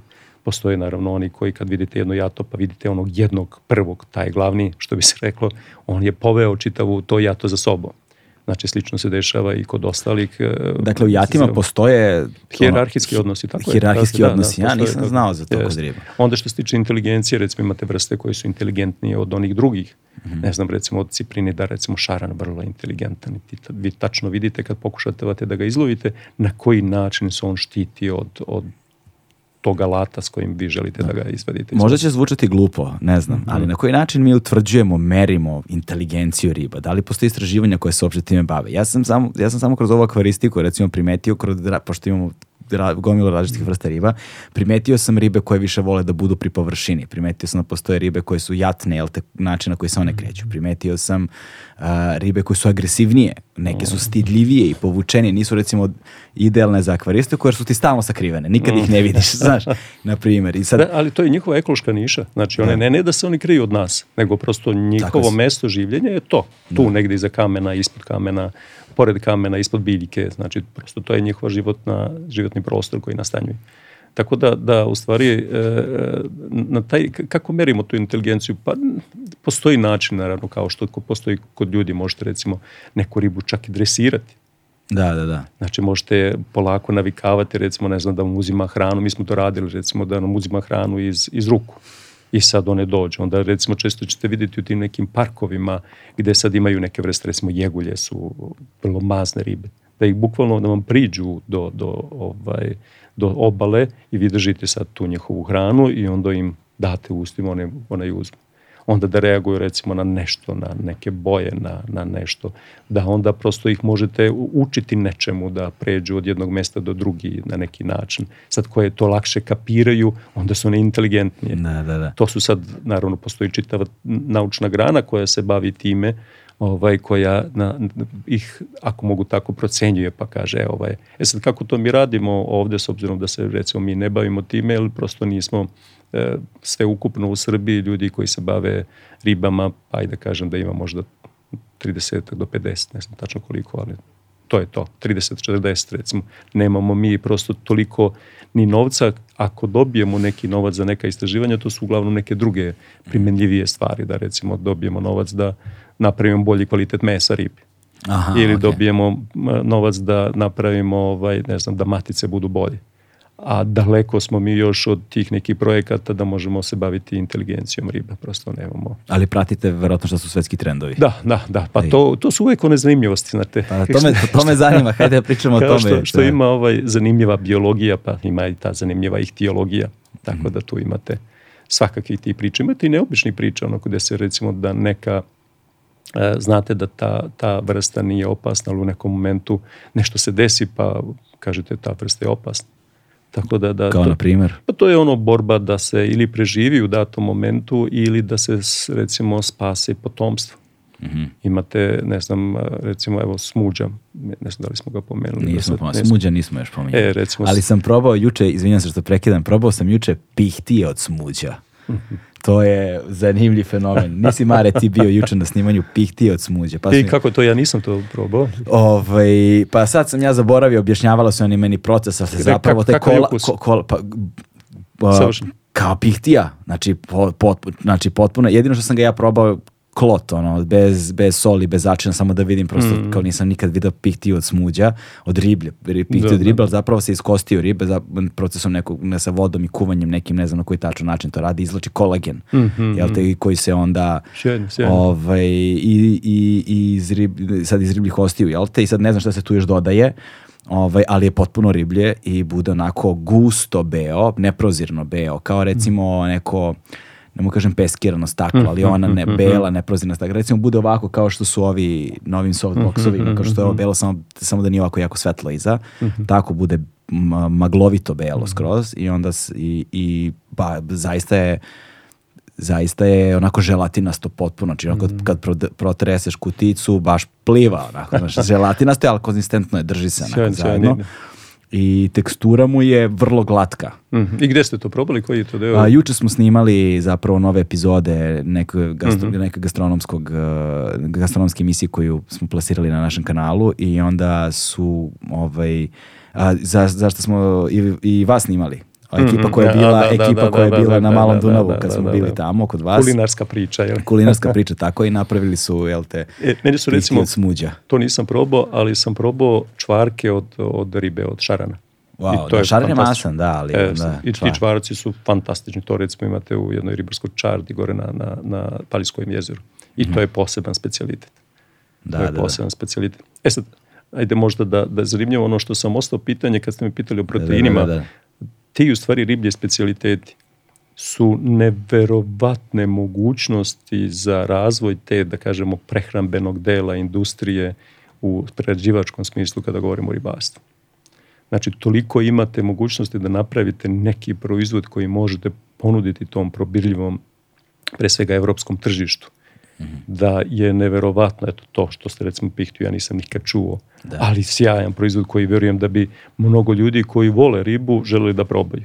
Da. Pa evo ove čvarke, pa svašta drugo to što, što imate opet kao specijalitete, malo ne svaka kafana ima neku svoju tajnu. jasno, jasno, jasno, jasno, da. Ali mi je zanimljivo bilo to što da, rekli ste da je zapravo da, da je nutrijentima po istu, na istu gramažu riblje meso kao da. ovaj, bogatiji od goveđeg. To... U, pa sad to možemo da napravimo poređenje po svakom osnovu. Evo, Hajde, na, mislim, ajde, pošto da, ja da. to prvi put čujem, pa zato mi je evo, zanimljivo. Evo, recimo to e, krenemo od proteina. Mm -hmm. Od čega se sastoje proteini? Sastoje se od aminokiselina. Tako je, da. I sad, e, među tim aminokiselinima postoje neke esencijalne aminokiseline koje čovjek ne može da stvori u sebi, nego mm -hmm. mora da ih unese putem hrane. I sad, naravno, mi tu unosimo putem hrane. Međutim, mi to jedemo, a ne znamo u suštini ni šta jedemo, ni zbog čega, ni šta nismo, ni šta jesmo. Ali ako hoćemo da vodimo računa o svojoj ishrani, prvo, kad donesemo protein neki od bilo recimo nekog četvoronošca ili od nekog pileći ili bilo koji, mi da razmišljamo koliko ćemo absorbovati tih proteina. Negde se to absorbuje 70%, negde 80%, negde 60%, a recimo kod ribe preko 95%. 96% konkretno u proseku proteina iz ribe se apsorbuje, znači mi ga iskoristimo. Samo 4% izbacimo iz svog organizma. E sad kad govorimo o esencijalnim aminokiselinama, znači e, u ribama svih tih esencijalnih aminokiselina ima više nego ne samo u goveđem mesu, nego i u svinskom, u telećem, u jagnjećem, u svakom drugom mesu. Mm. Znači više. I to je jedan segment, znači proteini. Međutim, e, najbolja svojstva ribe nisu toliko vezane za proteine mada i jesu u smislu da recimo, ne znam, evo, e, prosečna svinja recimo ima 14% proteina. Prosečna riba ima između 17 i 18. Ima i oni koji imaju preko 20%. Što znači to je nekih 30% više. Pa onda sad ono što sam malo preko, najveći adut što se ribe tiče, odnosno potrebe da se konzumira riba je vezana za masti njene. Hmm. Kada unosite masti, mi unosimo raznorazne putem svoje ishrane, bilo unosimo, ne znam, od biljaka neke biljne masti, ali najviše životinske masti. Mi ne razmišljamo šta ima u njima. Ne razmišljamo da te masti postoje nezasićene, polinezasićene, zasićene masne kiseline, kako to deluje na naš, naš ovaj, organizam. Konkretno, recimo, kod riba je tih polinezasićenih masnih kiselina 50 do 100 puta više nego što su u proseku kod svih ostalih životinja koje konzumiramo zamislite, 50 do 100 puta više. To su one polinezasičene, to su one omega-3 i omega-6 masne da, kiseline. Da, da, da. Ja, ja se suplementiram time, da. E, e sad, uh, ovaj... Uh, Svakog dana. E sad, tu, ne treba stati ni tu da, da unesemo puno, nego vrlo bitan je taj odnos između omega-3 i omega-6 masnih kiselina. Jeli on je posebno važan ako želimo da zaštitimo svoj organizam od raznih bolesti pre dakle, svega. odnos između omega 3 i omega 6. U kom smislu odnos? Omega 3 i omega 6, znači koliko ima jednih, koliko ima drugih. Mm. Da bi bilo idealno, odnosno da bi kada unosimo tu hranu, ne samo ona bila dobro stvarljiva i dobro iskoristljiva, nego da bi bila ujedno i prevencija od niza bolesti, vrlo bitno je taj odnos. Znači da recimo eh, omega 3 prema omega 6 bude što manja razlika. A da bude što više 1 prema 1. Tako je. Idealno bi bilo 1 prema 1. Ako sećate kad smo vi ja pričali, slučajno smo se našli, pa smo da. pričali o, o inuitima, odnosno eskimima, da. pošto ih tako mi znamo ovde, kod njih je odnos u njihov isran jedan prema jedan. I zato kod njih nemate kancerogenih bolesti, gotovo to mhm. uopšte, nemate skoro uopšte kancer i nemate ni diabetes. E sad pogledajte, da. u Srbiji od 100 umrlih, 56 umre od kardiovaskularne bolesti. Svake godine od kancera 30.000 novih bolesnih.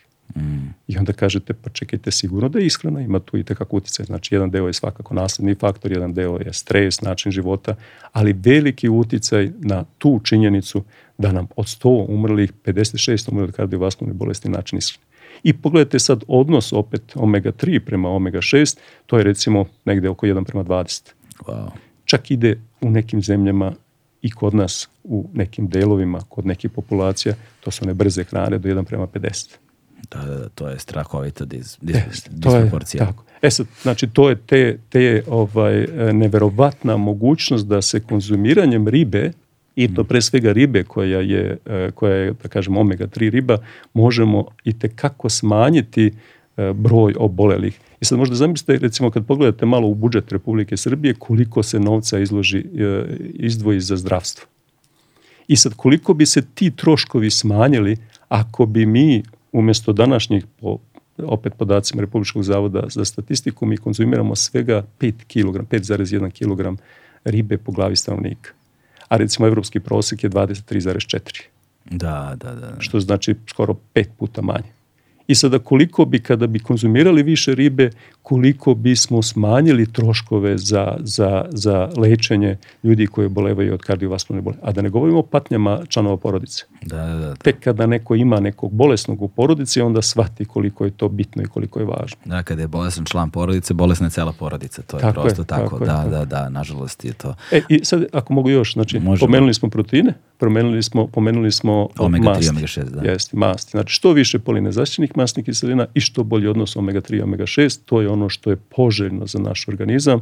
To poželjno podrazumeva, znači ne samo da unosimo kvalitetnu hranu, nego da unesemo nešto u sebe što će nas zaštititi od ovih nabrojanih, ali ne samo tih, nego recimo i od demencije, od depresije, mm. od ne znam, e, problema sa očima. Sve su to u stvari faktori koji se Eh, inhibiraju konzumiranjem polinizašćenih masnih kiselina iz ribe. Da, sad zanimljiva stvar u vezi sa time jeste prvo ovaj, u vezi sa inuitima, u vezi sa jel te, uh, domorocima, dakle uh, indogenim narodima koji žive na tim podnebljima, ali stvar je uh, u, vezi, u vezi sa time što A, današnje istraživanja pokazuju da su zapravo to najosetljivije grupe naroda u velikoj meri ovaj, onog trenutka kada su uvedeni u zapadni sistem. Jel te? Dakle, da je sad upravo obrnuto. Dakle, da je diabetes, da je, su sve te, ono, sve te savremene bolesti kod njih drastično izraženije zbog naravno uslova u kojima žive, to su sad različiti socioekonomski faktori, različita vrsta trauma, generacijske trauma, tako dalje, sad da ne ulazimo u te ali stvari. samo tu, šta je u stvari, sve,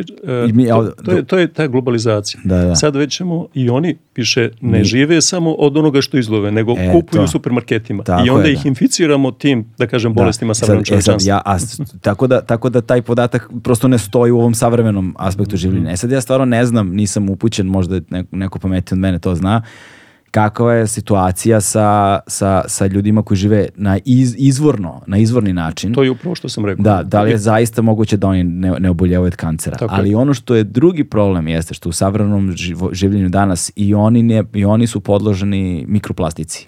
Da, da, to je. Tako da, da, da pitanje da, da, je sada... Šta će drugo da im dođe od glave? šta će drugo da im, Koliko god oni živeli na svoj način, na koji su živeli hiljadama godina, mikroplastika i drugi zagađivači koji su sada opšte prisutni u mm. svim vodama, mm. prosto u svim živim organizmima, ovaj, ne samo, dakle, u flori, u fauni u potpunosti. Tako, tako ovaj, utiču na kvalitet življenja i na buduće generacije. Ali ovde ovo što sam ispričao, to da. je ono kad je vezano direktno za ishranu. Međutim, mm. vi neke globalne trendove koji se menjaju, recimo 70. godina kada se konstatovalo, bukvalno kada su pravili nekakva poređenja koji narodi najviše obelevaju i kada su naučnici došli do saznanja da oni koji jedu najmasnije najmanje obolevaju tih da. bolesti, onda je pit, bilo pitanja šta i kako. E sad, savremeni trendovi, e, upravo to što su sve mm. više i na njih, e, ta savremena civilizacija deluje, ta globalizacija deluje i svakako da je to najranjiviji deo, verovatno, u mm. čitavom mm. svetu, ne samo Inuiti, nego i raznorazna ta crnačka plemena na koji svi mi ostali i te kako delujemo i onemogućavamo, na, ne, onemogućavamo im da o, zadrže tu svoju autohtonost. Da, da. Jer su upravo ti razni uticaji, ja pomenuli ste mikroplastiku, pa to je neverovatno, to je priča, da kažem, taze priča koja verovatno nas gnjavi ko zna koliko godina unazad. Da, da, da. Sad ću, Ili sad ću, decenija. Pa, pa, pa, sad, po, sad ćemo se pa, pozabaviti malo mikroplastikom kada je riba u pitanju i kada je kada je, kada je ono... e, a, ajte da samo dovršim ako mogu još da pomenem vitamine i minerale hajde, hajde, hajde. kod riba, pa da. ćemo onda da pređemo na mikroplastiku. Da. Recimo, pogledate vitamina, vitamin B12, vitamin C, vitamin D, vitamin E, i poredite količinu koju ima riblje meso sa recimo mesom toporkrnih životinja. Uvek je to od 1-2 do 50-100 puta više u telu ribe, odnosno mesu ribe nego kod toporkrnih životinja. Onda pogledate razne minerale, ne znam, jod, magnezijum, kalcijum, kalijum, to isto tako više struko puta više. A koja nam je iskoristljivost toga iz mesa njihovo kada o, jedemo, e, kao kada, kada unesemo, koji procenat se toga evo, zapravo iskoristi? Ja, ja sam malo pripomenuo za, za, protein. za proteine, 96%. Sve je daleko u većem procentu. Mm daleko u većem procentu, što znači u stvari to je najbliže meso našim nutritivnim potrebama. Sada je pitanje koliko vi ribe jedete godišnje? I ja jako puno jedem. Ja lično jedem puno. E sad, moji članovi porodice, recimo, ovaj, polako ih inficiram, ali ne ide lako, ne ide lako. ne ide lako. to je što bi se reklo klasična srpska porodica da, i ne da. ide lako. Ali recimo, ja se trudim i zaista ja mislim da sam negde u vrhu što se tiče konzumiranja skoro da ne prođe dan da nešto ne pojedemo od ribe. Da, u vezi sa ovaj, e, kad smo već pomenuli neoboljevanje mm. od kancera, dakle, ja znam da, jer recimo, sad sam zaboravio šta je tačno, ali ako sad pokušavam da se setim, onako mm. na pamet malo pričam, ali znam da ajkula ne oboleva mm. ovaj, od, od kancerogenih bolesti i da je zapravo, u, sad ne znam koji je to deo ajkule, ulje neko ajkulino se koristi u istraživanjima da pokušaju da nađu rešenje za možda i naše probleme. Jedan od razloga, upravo to je i primećeno, znači ne samo ekule, nego većina riba koji imaju jako puno polinizašćenih masnih kiselina Aha, u sebi. Znači to su polinizašćene masne kiseline. E, koje... one ih štite. Oni su u stvari oni... ti koji su zaštitnici dakle, organizma. Koliko ribljih vrsta postoji koje ne oboljevaju uopšte od raka. Pa nisu podložne. Da, da, to niko nije istraživao baš da, da tako, da, da, ali, ali jeste recimo da su, evo, pomenuli ste ajkule i dosta recimo plava riba redko kad oboljeva uopšte. Mm. Šta je plava riba? To je, ne znam, skuša, to je uh, ona riba koja ima onu tamniju boju koju mi, recimo, i ovde, ne znam, papalina, recimo, onda uh, ovaj, šta još ovde dosta konzumiramo, tuna, Da, da, da, da, da. To su sve ribe koje, ne, e sad neko će reći da, ali ne znam, tuna ima, žive u sebi. Pa da, ima je, ali kad bi je jeli svaki dan, ona bi nam napravila neki problem. Tu ima puno tih nekih sad što bi se reklo, ovaj, diskusija koje se mogu voditi. Na da, čuo sam da hm. postoji ta fora da ne valja ni jesti previše ribe, da ima i kao taj fakt. E, ne, ne, ne sve ribe, ali recimo za tunu konkretno da, ne. Da. Ali sad postavite pitanje, a ima li nekoga u, da, da znate da jede recimo svaki dan tunu, a drugo pitanje je li ima neko da jede za tri, e, tri obroka tunu? E, tek tad bi mogla ta da. količina žive da napravi problem u našem organizmu. Da, da, Što da, znači da, da, nema da. takvih ljudi u prevodu ko bi to jeo svaki dan mada je, recimo ja puno volim ribu, ali kad neku vrstu jedem svaki dan dosadim je mm. svima nam. E sad tu se je proloči još jedna stvar koja sad možda ne znam koliko je faktor, ali verovatno jeste, u, ali ukoliko bismo povećali uh, konzumiranje. konzumiranje ribe godišnje, koliko bi to uticalo na riblji fond ribe ukupno opet, jer je i ona već i ovako kako jeste prilično potamanjena. Pa mi u, u tom konzumiranju ne bi mogli da se oslonimo na, sigurno na sadašnje svoje resurse, pre svega mislim na otvorene vode to je to što se izlovi, to je mala količina. Mm. Ali ono što je činjenica da uglavnom kada se poveća konzumiranje, recimo ne znam, kad se u Srbiji poveća konzumira koje godine, kada se... Kad su postovi i to. E, da. kada se pogodi da su slave na posne dane mm -hmm. i u postovima, e onda je konzumiranje ovaj, ribe povećano, zato što u stvari mi u Srbiji uglavnom jedemo tada da, da ribu. Da, da. Pasulj riba, ono. tako je, tako je, tako je. Tako da, e sad, šta, šta se dešava recimo tada? Onda se poveća uvoz. Mm. Recimo mi uvozimo ribe sad kako kad, ali obično poslednjih godina to je od 30 do neki 37-8 hiljada tona. Izdvojimo za, tu, za to negde oko, da kažemo, do stotinak e, miliona dolara vrlo malo izvezemo to što izvezemo, u stvari to je isto nekak prerada, ne znam, uvezemo recimo celu ovaj, e, celog lososa, pa ga onda isickamo na, na slajsove, da. one na filete i onda to spakujemo, onda izvezemo i kažemo povećan nam se izvoz. Jeste, ali nije povećan izvoz naše ribe koju mi proizvodimo. Aha. E sad taj opet potencijal, samo šta bismo onda, šta bi se desilo, pa mi imamo toliko mogućnosti za proširenje površina pod ribnjacima. Recimo kada govorimo o šaranskoj proizvodnji, trenutno pod šaranskim ribnjacima negde svega oko 6000 hektara. Imamo negde oko 14.000, što znači 8.000 zapuštenih koji se ne koriste a imamo resurs samo u Banatu da te površine budu 100 do 200 hiljada hektara. Hmm. Što znači da se drastično poveća. Vi pogledate recimo jednu Norvešku na čemu je ona razvila tu svoju snagu. Na tri stvari. Broj jedan. Nafta. Nafta. Broj dva. Obrazovanje. Riba. Riba. A. Broj tri. Šta je broj tri? Energija. I na tome je usavršila i svoje obrazovanje i sve drugo. To su njeni resursi. To je ono na čemu je Norveška postala jedna od najbogatijih zemalja Evrope i sveta. Mm. A recimo 70. godina bila jedna od najsiromašnijih zemalja.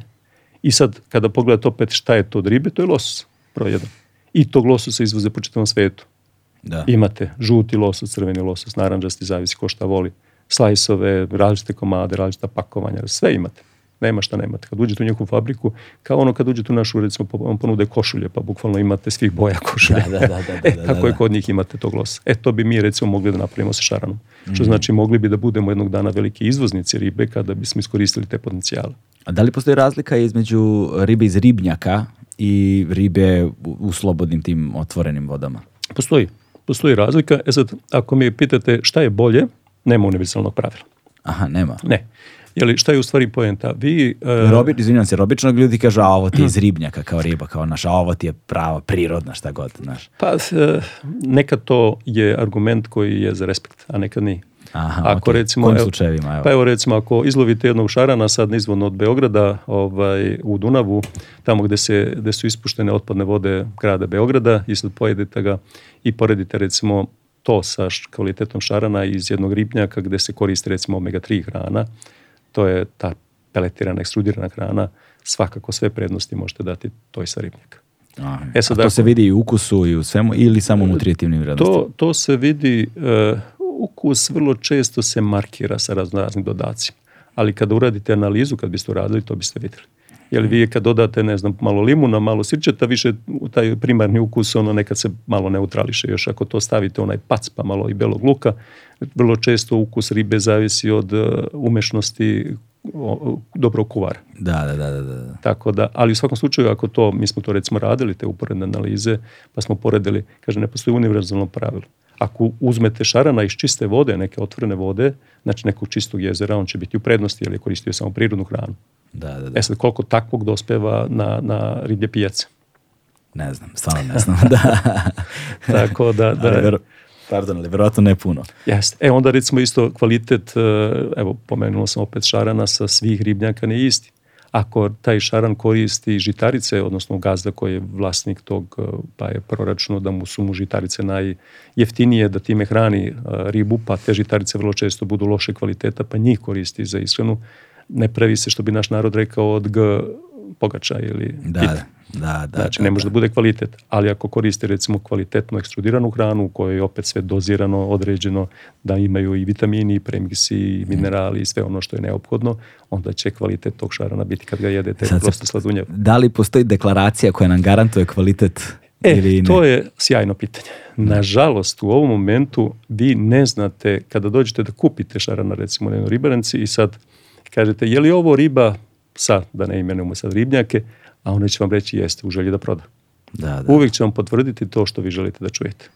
Ono što ja pokušavam već godinama da ubedim naše, naše proizvođače s kojima vrlo često i uvek sarađujem, jer već 30 godina sam uvek angažovan u nekom ili nekoliko tih ribnjaka kao savjetnik, dajte ljudi stavite papirić neki deklaraciju na svoju ribu. Mm. Da se razlikuje kvalitet od onoga što nije kvalitet. Da, da, da jer to prosto mora. Ogromne su razlike. Recimo, ako vi pojedete, evo opet, e, šarana omega-3, koji u sebi ima dosta tih polinizasićenih masnih kiselina i pojedete onog šarana koji ima samo zasićene masne kiseline, u prednosti ste u odnosu na, recimo ako ste pojeli svinju, isti karakteristika, da. zato što se prosto to, rekli smo malo pre, bolje vari, ti proteini se bolje vari, ima tu i nekih više vitamina i minerala ali kada govorimo o ovim glavnim adutima ribe, to su te masne kiseline, znači onda je prednost samo one koje ima što više tih polinezašćenih masnih kiselina i što bolji odnos među njima. Da, onda da, da. ste uneli nešto što je preventiva za upravo ono što muči uh, mm. pre svega naš ovdje u Srbiji. Ali osim ukoliko ne poznajemo lično vlasnika ribnjaka... Nažalost i... ne možemo to da znamo. Ne možemo da Nažalost, da znamo. Ne možemo. Da. I kažem ono što, evo još jednom, ja stalno nagovaram naše proizvođače, stavite mm. etiketu na svoj proizvod ako je kvalitetan, a tačno mi koji se da. bavimo time znamo šta je dobro, šta nije, a kupac ne zna. Da, da, i onda možeš i da ovaj, prilagodiš cenu u odnosu na taj tako kvalitet. Je, tako znaš. je, tako je. Mi smo recimo imali situaciju, evo recimo sad neko naše iskustvo, baš sa malog Dunava i mi imamo gore naš eksperimentalni ribnjak, I ovaj, Koliko ribe tu ima? Pa imamo. Tu, u suštini nama nije prioritet i ne bavimo se nikad gajenjem da bi proizveli konzumnu ribu, nego se ne. Da. bavimo eksperimentima, pa iz tih eksperimenata i, znači, nastane neka riba koja se pojede, nećemo je svakako baciti. Posebno što uvek radimo recimo ili na selekciji ili na tim inovacijama kad je ishrana u pitanju, što znači uvek mm. nešto novo, kvalitetnije dodajemo.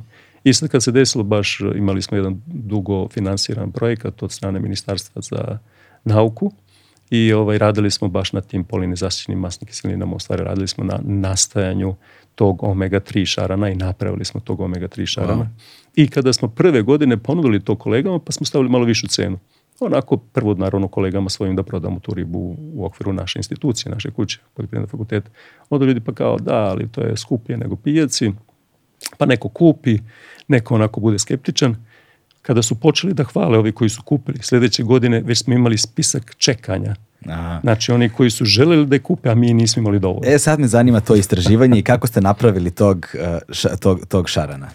Pa Idealnog što, šarana za da, da, da, Pa ono što je kako je to izgledalo? Kako je izgledao šaran na početku i kako je izgledao da. na kraju i kao koji su bili procesi? Kako je izgledalo to istraživanje? E, to istraživanje se bazira na raznoraznim pokušajima. Jer uopšte nauka je mukotrpan e, put dolaska do jednostavnih rešenja. Da. E, tako i ovde. Znači, mi smo krenuli eksperimentirali sa raznoraznim varijantama kako da napravimo što bolji kvalitet tog mesa ribe. Mm. Pa smo onda prvo išli sa varijantama da zamenimo te žitarice sa peletiranom hranom, pa smo onda išli sa tom ekstrudiranom gdje smo dobili kvalitet bolji, pa smo sad u okviru te ekstrudirane, to su sad načini obrade znači tih, da kažemo, hraniva, odnosno komponenti koji ulaze u tu jednu briketu ili jednu peleticu. Pa kada smo došli do te kvalitetne ekstrudirane hrane, onda sam sad u, njih, u njoj varirali različite izvore, recimo masti. Mm. Pa onda pokušate jedan pa kažete da, ovaj je efikasan, ali mnogo skup.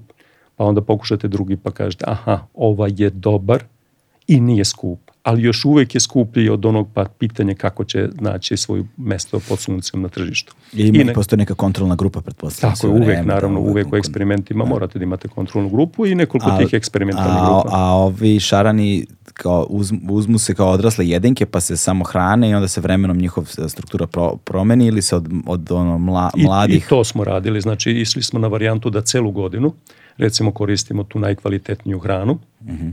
i ekonomski najpovoljniju I recimo na kraju smo došli do, do hrane koja je bazirana, e sad to neću reći, Aha. na nečemu kao izvoru te, te, ovaj, tih masti i koja je ekonomski bila približno ovoj, što znači ima mesto pod suncem Aha, okay. I, i onda smo došli do perfektnog kvaliteta, znači šarana koji je bolje kvaliteta od svih onih riba koje su po rangu kvaliteta daleko iznad nje. Dakle, ako uzmemo jednog šarana koji se celog života hranio nezdravo, i onda ga godinu dana hranimo isključivo zdravo. Možemo da i te kako mu poboljšamo. Sad to, onda smo kasnije recimo radili ne samo to jednu godinu, nego nekoliko meseci. Mm. Da ga koristimo recimo tu hranu, tu omega-3 hranu recimo poslednjih 3 meseca I dobili smo isto sjajan rezultat. Što znači došlo se do toga da ako već nećete da koristite to, jer ona je 5% skuplja, onda evo koristite onu drugu, ali posljednjih 3 meseca koristite tu omega-3 i dobićete kvalitetnog šarana kvalitetnog šarana za ne toliko značajno povećane troškove. Za to u, u toj nekoj kalkulaciji ispadne recimo možda 2% razlike. Wow, da, stra, da. wow, da. super. Čeče. Ali dobijete kvalitet koji je nemerljiv sa onim što biste imali. Neprikosnoven u, u, jest, na tržištu. Jest, da. I to su recimo, ove, ovaj, e sad evo i to je jedna zanimljivost, ja pričam to pre nekih, sad već 7, 8, možda 9 godina, sa jednim svojim dobrim prijateljem iz Češke. Mm -hmm. I onda mu to sve ispričam, kaže, e sad ću ti da ukradem ideju. Da poruku dobro, u svakom slučaju nismo mi baš mnogo konkurenti, niti nešto se malo izvozi ribe, recimo iz Češke za Srbiju, ali Srbija nikad nije, mislim, otišla ni jedan kilogram za, bar da ja znam, za Češku. I onda posle dve, tri godine on me pozove, odim kod njega, kaže, ajde da te vodim u Omega 3 šaran restorane. I zaista odemo, obiđemo nekoliko takvih. Pita, koliko ste vi, koliko imaš, koliko si ubedio svojih tamo partnera da to, pa rekao, još ni jednog. Ovde u Srbiji, da. E, to je ono što mi u Srbiji sve inovacije, sve novine mnogo teško prihvatamo. Evo recimo konkretno, taj projekat smo radili 12 godina, e, tek ove godine je jedan ribarski sistem to počeo da primenjuje i taj ribarski sistem, sada da ne primu reklamu, ovaj, je proizveo i, pošto ima svoju proizvodnju hrane za ribu, proizveo omega-3. Zahvaljuju se opet jednoj samo činjenici da je direktor sad te kompanije moj bivši student mm. i sad valjda malo ponekad se posluša profesor. Ali wow, znači svi oni u Češkoj imaju omega 3 riblje restorane, odnosno šara tako restorane. Tako je, tako je, tako je. Kao specijalizovane nazi, nazive da, restorana. Da, ti, e, ne, naziv se zove drugačije, da. ali nudim ono kao posebna reklama omega 3 šarana. Wow. To je znači nešto ekstra. I kažem, bukvalno taj moj Sad prijatelj... Sad smo bili skoro, ali nismo vidjeli tako nešto, mi smo samo jeli rebarca. to je, to je ovaj, onom delu koji se zovu tamo vodnjani, mm -hmm. ovaj, češke buđevice. E, tu u tom delu je, ovaj, tu ima dosta ribnjaka i tu upravo se nalaze e. ti koje, kažem, i taj kolega Ima dosta naših tamo, neka posete, nek mi jave. Neverovatno, nisam imao pojma čovjek. Ček, ček, e, e, sad desilo mi se recimo da sam dve i po godine bio angažovan u jednoj firmi u Hrvatskoj da, da kao savjetnik da, da pomažemo njihovoj tehnologiji. To je kupio većinu tih šaranskih ribnjaka jedan čovjek i onda sam bio angažovan kod njih. I ono što je zanimljivo recimo da sve ono što im njima sam rekao, oni su to integrisali u proizvodni sistem svoj. Ovde u Srbiji, kažem, 30 godina sam angažovan na nekim ribnjacima i vi to ispričate da sve oni repo klimaju glavom, ali redko ko šta primeni. To je taj mm. nekakva i nepoverljivost. Čak vas, znači naravno tamo vas daleko više plate, ali vas i saslušaju. Ovde vas manje plate, ali vas i ne slušaju. Ne, Eventualno, samo ako imate taj neki sistem uh, E, što se redko ne dešava u novije vreme, pošto sam ja već suviše mater profesor, pa imam sad dosta svojih studenta, pa vas oni poslušaju. Da, jedino da, taj da, neki da. mehanizam funkcioniše. Dakle, nadamo, samo polažemo nadu u te nove generacije koje su ono, Pa jest. Prošle jest. Kroz, odeđe, kroz, sistem obrazovanja koji je bio i ole kvalitetan. Da, pa ajde sad. Da će primeniti kasnije nešto u svom životu. Jest, svako će hvaliti svoj sistem, ali ovde ono posluša to studenti bivši, sad su to ljudi koji su tehnolozi direktori, ovaj, poslušaju svog bivšeg profesora. Sjajno, sjajno.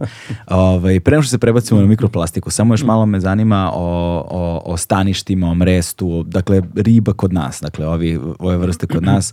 Dakle, na koji način a, kao taj ekosistem, jel te, funkcioniše kad govorimo, kakva staništa najviše voli naša riba, u kojim okruženjima, koja su te onda staništa samim time najugroženija, prosto da je negde kao imam svest o tome kad putujem negde da vidim, znaš, mhm. kao, da kako da prepoznam mesto gde je ovde voli da živi, ovakvom staništu voli da živi ova riba, ovakvom mestu voli da se mresti ova riba, mhm, znaš, mhm, to, i, ovaj, i onda da obratim pažnju na stvari unaokolo, da vidim kako, mogu, kako ih ugrožavaju ili šta možemo mi da uradimo da negde prosto iz neznanja vrlo često mm -hmm. ovaj, napravimo problem, a ne iz, samo iz zle namere.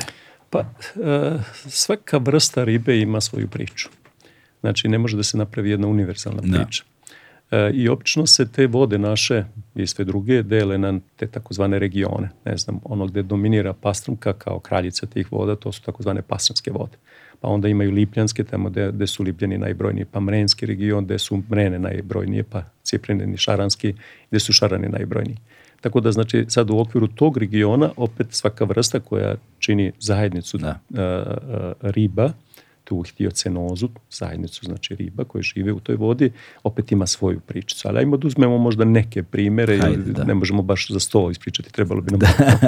Dobro, vremena. ja, ja volim da kažem ljudima, ovde, e, ovde, ovaj, ovde treba, e, ovde se ja trudim da ljudima dam prozor u teme, mm. ali ako ih te teme zaista zanimaju, idite na drugo mesto, ćete saznati da malo, više. malo više i ozbiljnije i temeljnije. Ovde je samo da se nekako načne, dotakne i da negde pružimo lepezu mogućnosti interesovanja. Eto, pa potpuno isto razmišljanje sa našim malim Dunavom. U stvari, mali Dunav jeste da zagolica, da se upozna veliki Dunav. Tako, Tako da je, pa potpuno pa to, ista priča, da. isti pristup.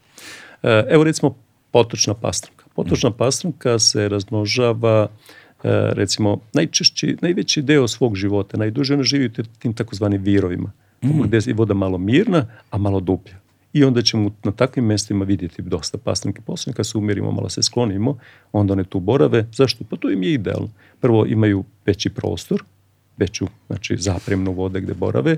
S druge strane, uvek im e, sad taj potok ili reka donosi e, organizme kojima se oni hrane. To je takozvani drift, vodeni drift. Znači, to su raznorazni beskičminjaci, pripadnici tih organizama faune dna koji smo na početku pomenuli, ono s čime sam se na početku svoje karijere najviše bavio.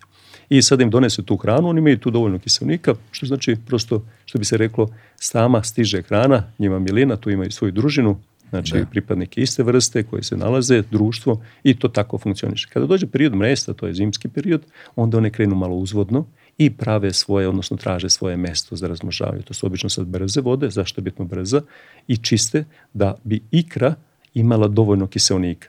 Znači da čista, brza, hladna podrazumeva dovoljno kiselnika u vodi i onda prave ta takozvana trla, odnosno gnezda, očiste malo to svojim ovaj, e, repim perajom, jeste. Repovima, Položi, perajima, pa da. Pa. Jeste, pa repovima jesu im repovi, to da. repim perajem. Očiste tu podlogu, polože ikru, uvek se tu nađe mužijak, znači oni budu u parovima, a, e, koji prospe ovaj mleč, oplodi i onda se to malo prekrije šljunkom. I sada ta brza čista voda uvek donosi dovoljno kiselnika i polako se te e, ta zrnca oplođene ikre pretvaraju posle nekih 30 nekoliko dana u male ribice. Mm. To je recimo kad je u pitanju, ovaj, e sad, gde su ti, znači čisti, šljunkoviti tereni. To su ti koje ste malo pre rekli da ih znam da prepoznam. Da, da, da, da, da. E, na sličan način funkcioniše recimo i kraljica naših hladnovodnih e, voda, e, to je mladica, Znači ona zalazi, ne znam, recimo mladica iz Drine, zalazi, ne znam, u reku Trešnicu i onda tamo traži svoje idealne prostore. I tada je ta vrsta najviše i zaštićena. Nekada se nažalost dešavalo da onda meštani znaju da tada dolaze velike matice pa krenu vilama da ih e, love. Jer one su tad manje obazrive, prosto njihov prioritet je da polože negde svoje, e, svoje ovaj, ikru da bi obezbedili svoje potomstvo. Sada je to jako kažnjivo i sada prosto ima dosta, da kažem, sve više savesnih e, meštana u tim krajevima, u te ruralnim područjima, gde jednostavno sami štite, kaže ne, ne sme sad niko da ih dira, prosto vode računa. Čak u nekim delovima, recimo tamo oko, oko Arilja, ćete e, neka sredsti, neko će vas zaustaviti ako prolazite tim nekim tokom, tu u periodom mresti, reći, e, malo sporije sad se mresti riba. Da, da. I vi da. onda, a dobro Da, da, da, Kažete onako malo tiše kao da ćete to nešto zvukom da, ali lepo, sjajno. Sjajni primjeri da već taj mentalitet kod ljudi je drugačiji nego što je nekad bio. Da, da Eto, da, da. to je recimo priča za te pastramke na koji način se to dešava. Kod šarana opet kao nekog e, glavnog u, u tim ciprinim šaranskim vodama je sasvim drugačija priča. Oni polažu svoju ikru tamo gde ima makrofita, gde ima tih vodenih biljaka. Mm. Jer njihova ikra je fitofilna, Šta to znači? Znači fito voli biljka, biljke, da. filus voleti, voli biljke, u prevodu ona je lepljiva i ona se lepi na te biljčice.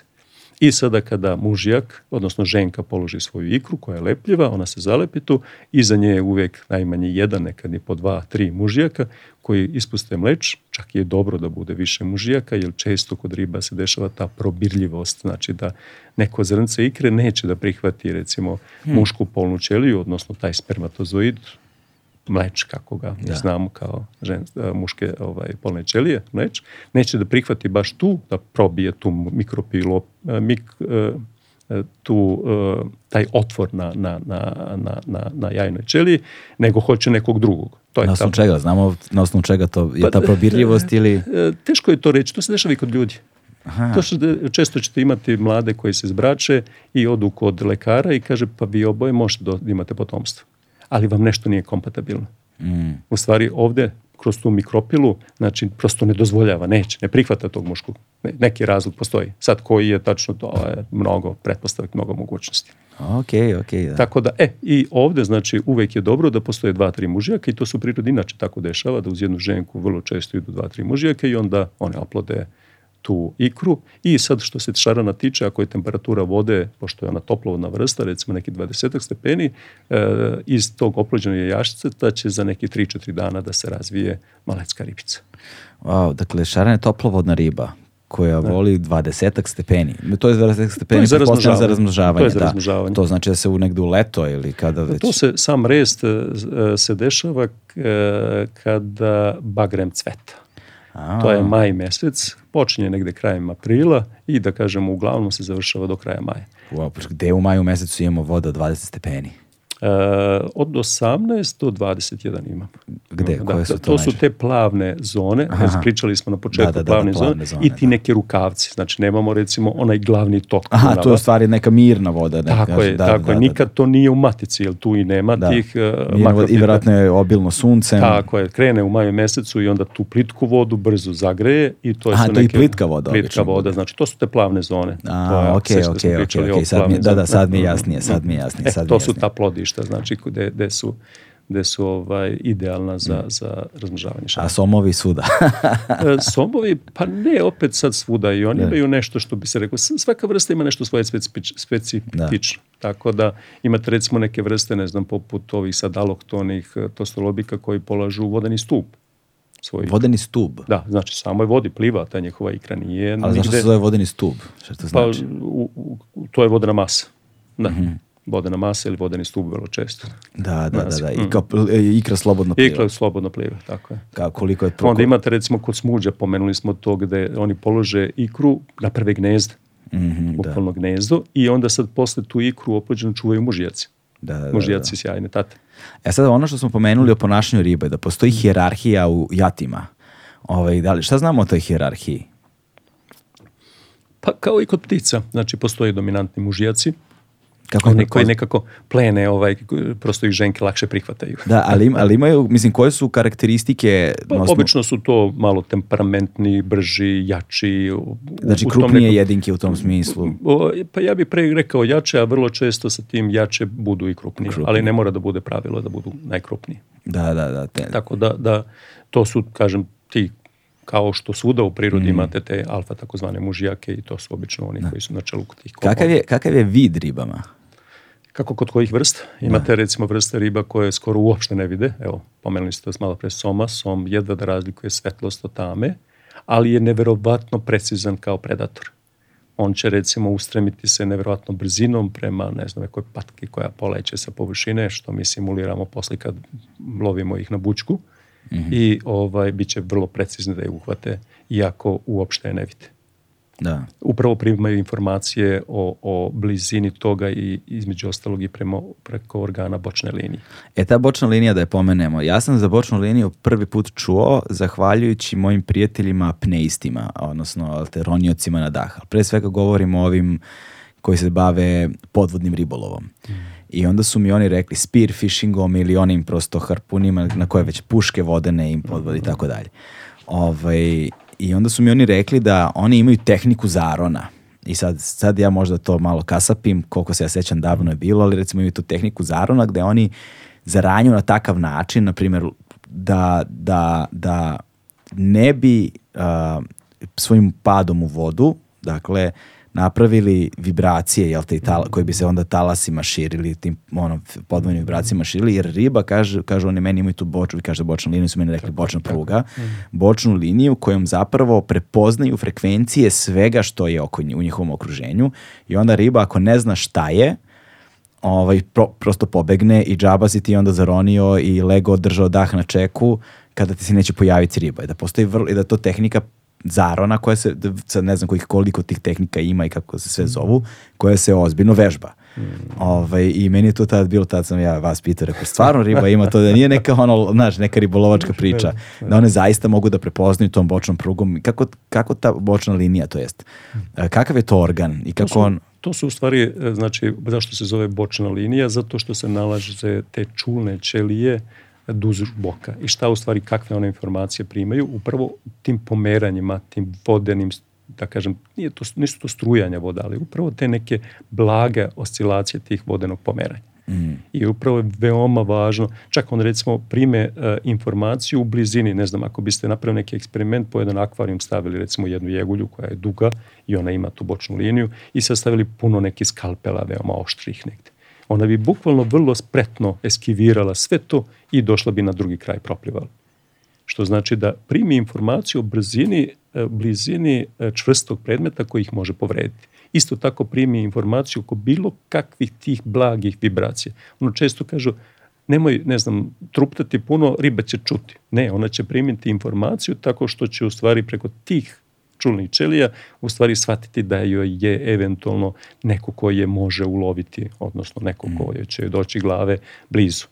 I zato se recimo no, ribolovci kada pecaju onda vidite tiho prolaze, niko ne trupti, nego tiho dođu do svog mesta gde, gde planiraju da, da love ribu. Da, zato mora. I isto ti, ti za, znači, koji love na dak, oni vode i tekako računa da se ne praćaknu. Ako se praćaknu, ode sva riba na sve strane. Da, da. Nego da vrlo nežno, bukvalno uđu u samu vodu, a da se ne pomere te vodene mase unutra. Da, da, da, da, da, to je ono, ozbiljna nauka, da, ozbiljna da, tehnika, da, ozbiljna da, tehnika zarona.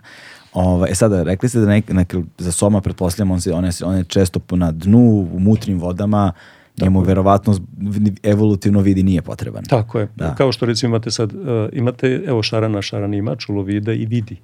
Ali može da opstane, zahvaljujući opet sad nekom čulu, to su ti taktilni organi koji se nalaze, te brčići na, mm. na, oko njegovih usta i on sad recimo tim brčićima opipava gde ima hrane. Ne znam, opipava upravo da li ima puno tih nekih malo čekinjastih glista, oligoheta ili nekih larvi insekata na dnu i onda pronalazi tu svoju hranu na taj način. Tako da mi smo recimo radili eksperimente u, kada gajimo šarana u potpunom mraku ili ono svetlo dan po pola ili samo svetlo, dobili smo najbolji rezultate u stvari da je najbolje napredovao u potpunom mraku. Mm. Što znači nije mu neophodno za opstanak čulovida. I zato šarani recimo i žive uglavnom u zamućenim vodama gde je prozirnost vode nekih u letnjem periodu barama u jezerima takvim desetak, 20, 30 centimetara. Čak u šaranskim ribnjacima ljudi često pogreše pa dođu pa kažu kao, a kakva vam je mutna voda? Pa To je prirodno stanište za njega. Ako je bistra voda u šaranskom ribnjaku, to znači da nema ribe, znači da nije aktivna, da ne brlja po dnu, jer ona da. stalno rovi kao svinje dole po dnu tražeći svoju hranu. I diže taj... Tako je, da, diže da. u stvari mulj i sad idealna boja opet vode, ono kad e, ljudi koji su tehnolozi iskusni na osnovu boje vode mogu proceniti kako je stanje u ribnjaku. I vrlo često ti koji su godinama na ribnjaku kaže, e, ovo je idealno, sad je sve dobro. A vi pitate kako je to sve dobro pa kaže evo na osnovu boje vode. I onda u stvari vidite da je to neka brown, zelenkasta boja. Bilo bi zanimljivo da postoji color chart ovako, da ima i da, da. stoje pored ribnjaka i posmatraš, a koja je boja, znam koji je kvalitet Jasne, ribnjaka. Da, e da. sad, to, to e, postoji neka inicijativa recimo da se to uradi onako kao Zaista? Uslov, da, da, da, da, se uradi. Posebno sad sa ovim dronovima i da se na osnovu toga procenjuje produktivnost i aktivnost u pojedinim ribnjačkim objektima. Ma da imaju oni protivnik onih dobrih tehnologa, kaže, a nećemo mi to da prodamo tek tako, ovaj, neće da učestvuju u tom poslu, da svoje iskustvo, jer oni to mogu videti, onaj mlad tehnolog kad tek dođe ne vidi to na početku. Da, da, to je, isku, to je ono što godine iskustva nosi sa sobom. da, da, da, da, da. E sada, koje ribe imaju najbolji vid? Pasamske vrste. Jeli salmonide, znači pastrumke, one upravo love zahvaljujući čulu vida. I Aha. one imaju čulovida koja je izuzetno precizno, nevjerojatno. Bistro, zato ne traže bistru vodu. Da, Ako da. im se zamuti voda, oni imaju problem da će da uginu od Uh, jedan od razloga recimo da mogu da uginu zbog toga što ne mogu da dođu do svog plena. Drugi razlog recimo što te suspendovane čestice im se zalepe za škrge pa ne mogu da dišu ako se dođe do pomuti vode. Zato pastanke žive u čistim vodama. Dakle, zato su pastanke merilo čisto, čistih reka. Tako je, indikatori, pokazatelji čistih reka, da, čistih da, da voda. Da, da, da. Tako da, da je to. Ko, mhm. za sad kada bismo uporedili njihov vid u odnosu na ljudski, koji nam je poznat, kao, kako bismo ga uporedili? da li je pa, uporedivo uopšte, mislim, sa, sa posebno s parlamenjem svetlosti kroz ja bi, vodu? Sad, to vidite, nikad nisam razmišljao o tome, ali bih rekao da su oni u prednosti da bolje vide nego mi ljudi. Mm. Zašto? Zato što prosto vidite tu njihovu sad reakciju, recimo, na hranu. Kada je ubacite čak u, u, u vodu koja nije potpuno čista, ali vidite tu njihovu preciznost. Ja ne verujem da bi čovjek bio tako precizan. Da, da, da. Da, dođe do nekog komada čak i ako je gladan. Pitanje je koliko smo mi precizni u bilo čemu u odnosu na životinski svet. Ono, naš mozak je naša najveća prednost. Pa ne, u stvari svaka e, životinja pa i čovek rešava potrebu koju ima u datom momentu. Mi više nemamo potrebu za tom preciznošću pa smo izgubili. Da. Nekada smo bili sigurno kada smo lovili, ribolovili daleko preciznije nego što smo to danas.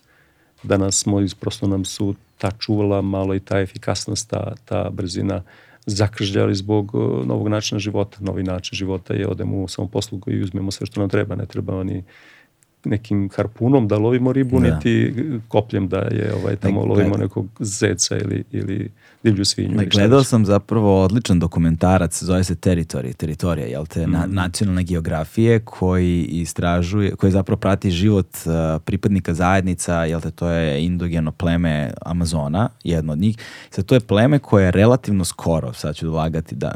Uh, ne znam, pre stotina godina, možda manje, ili tako nešto, uh, zapravo do, do, do pre stotina godina, na primjer, reći ću, ali nek, pre neki vrlo kratak period je, nije bilo kontaktirano uopšte. Mm -hmm bili su ono jedno od onih plemena i sada već žive, oni su i dalje u Amazonu, ovaj, žive na svoj tradicionalan način, ali ono vidiš na snimcima koriste pakovanu robu, mhm. oblače se majice i šorceve, dakle, dakle oni su sada negde na pola puta. S jedne strane mhm. su pola su pripadnici zapadne civilizacije, ali velikim delom i nisu i dalje su mhm. žive u Amazonu. I oni zapravo su poslednje pleme koje živi na u ostrvu Amazona, rekao bih, zato što zapravo oko njih su uh, sada napravljene ono posečene šume zapravo mm -hmm. i oni mhm. i taj džep šume koji oni prašume koji odnosno ovaj ko, kojem, kojem oni žive je sve manje i manje taj obručin se sužava i sad među njima već postoji obrazovani aktivisti koji pokušavaju jel da sačuvaju svoje, svoje, svoje podneblje jer oni žive isključivo od toga mm -hmm. i mhm. prateći njihov život ovaj, ti viš od malih nogu kako se oni igraju i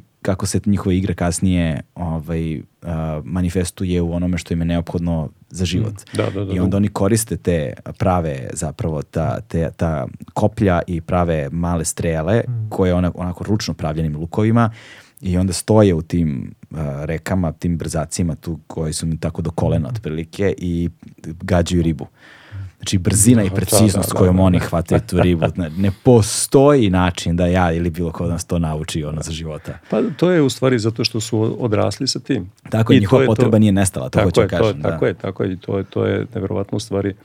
Uvek čovek ima uh, u sebi nešto što je ugrađeno mm. kao način preživljavanja, to je ta borba za opstanak, da rešava potrebu koju ima u datom momentu.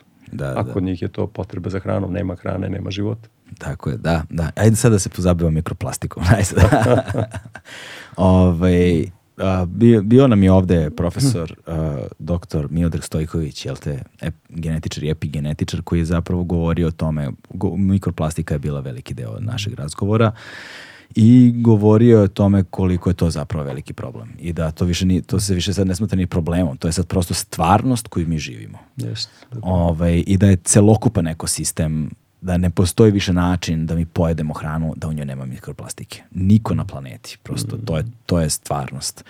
I da mi nedeljno pojedemo minimum uh, 4 g mikroplastike u iznosu 4-5 g, što je veličina jedne kreditne kartice. Mm. Ovaj, I da je ogroman procenat toga zapravo da je to plastika koja je razgra, razgra, razgrađena u morima, u okeanima, jel te, koja onda, koju onda Eh, ko u, koja isparava, ovaj, kada voda isparava, isparava tamo, pa onda kiše padaju, pa to sada biljke pokupe i tako da su i biljke, zagađenje zemljište i naravno celokupna flora i fauna. Kakav je slučaj sa mikroplastikom kada je riba u pitanju? Ovaj, na koji način utiče na, na, na život ribe? A potom naravno i na, u tom lancu ishrani na nas. Sve isto kao i kod drugih organizama. Mhm. Nažalost, mikroplastika je, što biste rekli sad, ovaj, već stvarnost koju ne možemo da izbjegnemo. I ne možemo nigde da izbjegnemo. Da. Tako da je svuda. Tako da i riba nije, ako tako mogu reći, sačuvano toga. Nekad se viši, vrši malo viši pritisak na ribu. Kaže riba ima mikroplastiku, pa kažete da, a šta nema? Da. Nađite mi to nešto. Pa kao nema, šta, grepa, krompir, pasulj, šljiva, svinja, mm. pile, sve ima. Pa kao da nismo o tome razmišljali. Tako da, nažalost, ovaj, i te kako će to biti problem. E sad, onda kada razmišljamo o tom problemu, razmišljamo gde viš, najviše ima, a gde najmanje. Najmanje ima u tim nekim izorskim vodama, što znači najmanje su opterećene te neke salmonidne vrste ribe sa mikro, problemom mikroplastike, ali nisu neopterećene. To ne znači da ih nema, ali da je mnogo manja količina nego što je to u donjim tekovom reka, odnosno u tim, da kažemo, šaranskim regionima, a da ne govorimo o morima i okeanima. Da. Tako da ja mislim da to je tek nešto što čime ćemo se u budućnosti kako baviti, pa možda čak raditi, recimo mi konkretno, moja grupa se bavi i selekcijom riba. Možda ćemo jednog dana raditi na recimo selekciji onih linija riba koje imaju manju sposobnost da integrišu recimo mikroplastiku u svoje mišićno svoje mišiće, a znamo da uglavnom te mišiće konzumiramo mi ljudi. A kako to, kako, kako to znamo? Dakle, i na, osnovu, na osnovu čega neka riba ima manju mogućnost integracije toga u svojem mišićima. Uvek imate u, u svakom organizmu taj takozvani neki deo tela koji je odbrambena e, zona organizma. Mm -hmm. Recimo najčešće je to jetra koja u stvari prečišćava, koja je neki filter organizma, ne dozvoljava da nešto završi recimo u mišićnom delu ribe. I onda sad kod nekih je to opet malo izraženije, kod nekih nije. Sad kako možemo to da znamo? Pa tako što uradimo analizu na mikroplastiku. Mm -hmm. Pa onda sad radimo tu, odnosno ono što ćemo verovatno raditi, sad se ne bavimo time, ali pretpostavljam da su to tek istraživanja budućnosti gde ćemo i tekako proveravati koliko ima mikroplastike kod različitih vrsta riba, mm -hmm. koje su to vrste ribe koje su podložnije akumulaciji mikroplastike recimo u, u, u filetu, odnosno u mišiću. Da, da a koje su manje podložne, pa ćemo onda gledati u okviru iste vrste koje su to sad linije, recimo ne znam imate šarana, pa sad imate tamo neke koje imaju krljušti, pa neke koje nemaju krljušti, pa neke koje imaju malo krljušti, pa ćemo gledati da li ima neke razlike recimo između njih, da li sad je taj odbranbeni mehanizam bolji kod tih golih šarana ili kod onih obučenih, da tako kažem. Da, da, da, da. E, to su sve neka istraživanja koja će biti tek vrlo aktuelna, još uvek to nije dospelo kod nas, još mi rešavamo bazičnije probleme u odnosu na mikroplastiku. da, na osnovu svega do sada rečenog, boga mi dosta bazičnije probleme i dosta uh, akutnije. I pa, to su i hronični, već daleko je to od akutnog, ali imamo i akutne probleme.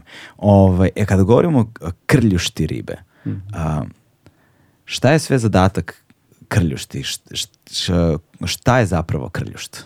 Pa krljušt su praktično, da kažemo, rožnate tvorevine koje su izresli na iz kože mm. i koje imaju ulogu da štite mekano telo ribe.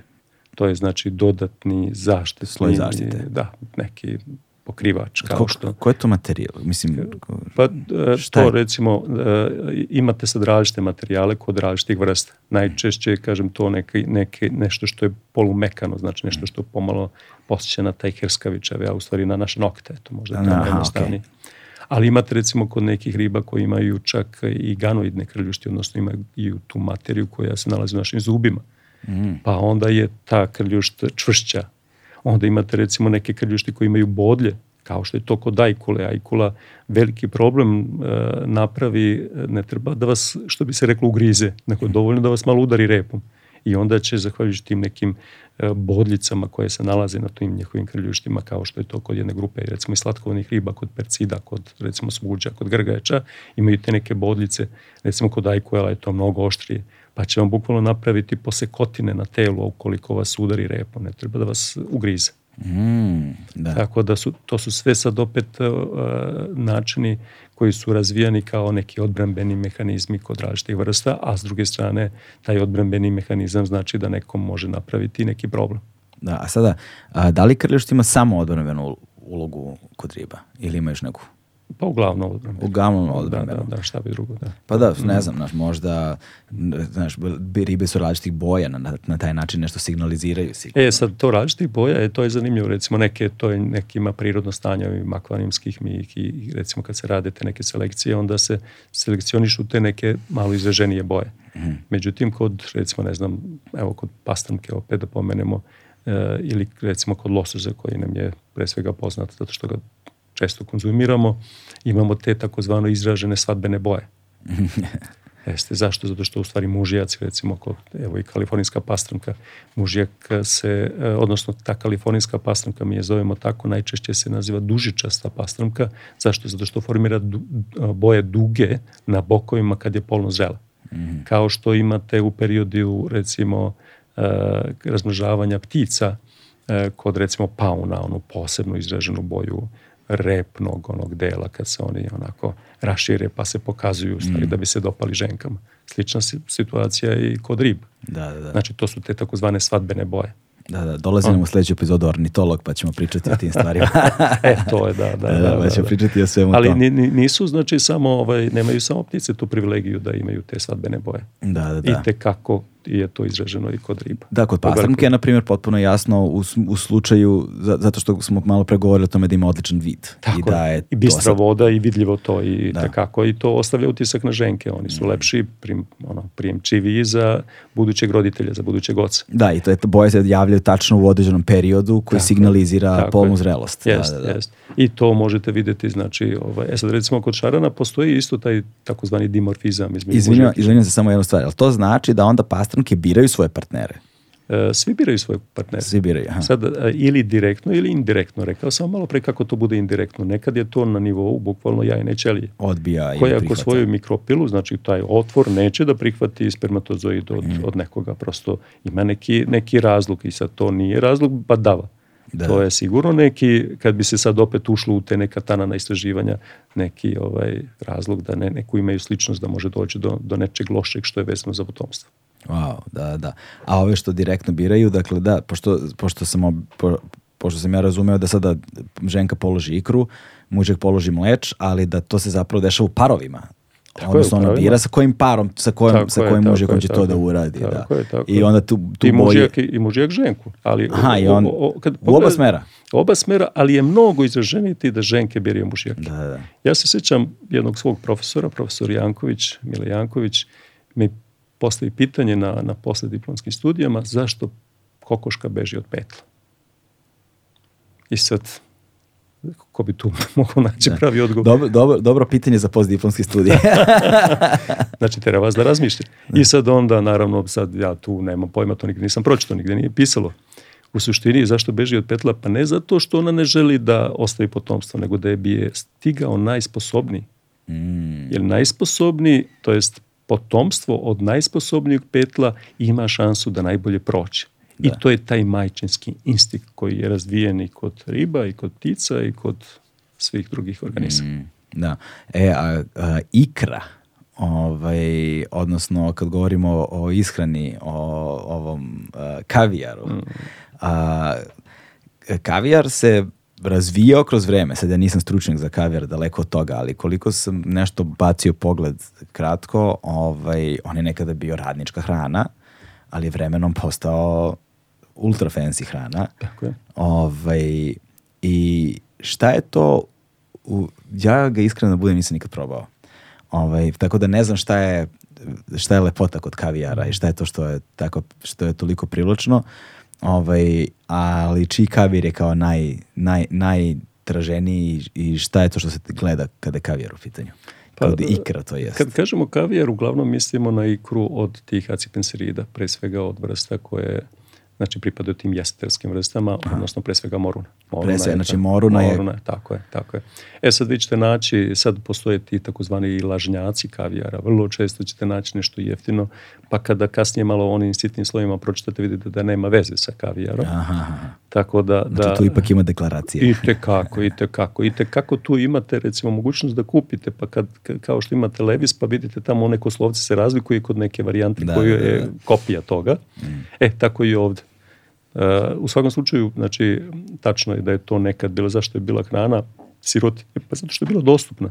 Da. Pričali smo malo pre o tome da je recimo tih moruna bilo jako puno nekad u Dunavu. Evo, pričali smo i o periodu kada se ovaj, u vreme e, Miloša Obrenovića, kada se izvozilo dosta ribe. Tada se isto izvozili su se upravo te velike morune, te velike komade ribe. Pa onda taj kavijar kad ga ulovi sad jedan ribar koji uvek, e, nikad e, ribar nije bio bogat.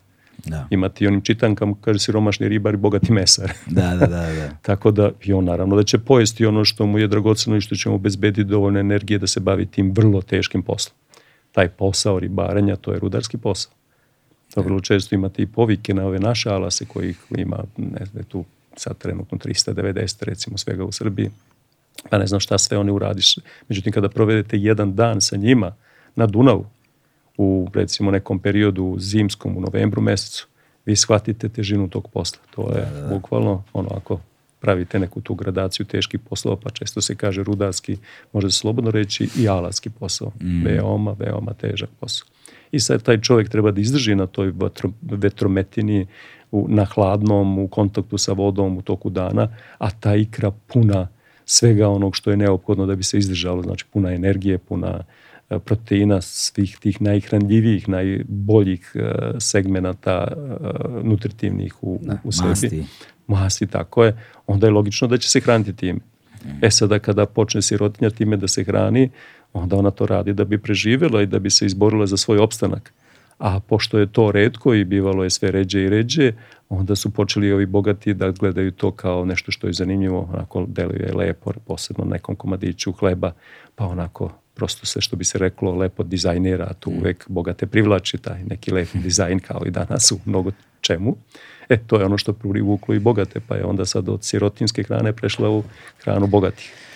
Da, pa, čoveče. Tako. I, ovaj, I zanima me da porazgovaramo još malo za kraj ovaj, u vezi s ponovo sa a, s tim staništima, a, mrestilištima, a, ribnjacima, otvorenom vodom i sa situacijom jel te, koja je kod nas. Dakle, opet se vraćamo na ono što vi u Malom Dunavu mm -hmm na, mal, na Malom Dunavu, u Malom Dunavu. Može jedno i drugo. I može i drugo. Da, ovaj, radite zapravo i na koji način to može da bude primer za ono što bi moglo da se uradi širom dakle, ovaj, naše teritorija u regionu celom, prosto mm. mislim da negde ključno i zbog biodiverziteta, ali i zbog kvaliteta same vode ovaj, i, o, i ta, ta primenjena hidrobiologija, jel te? Mhm.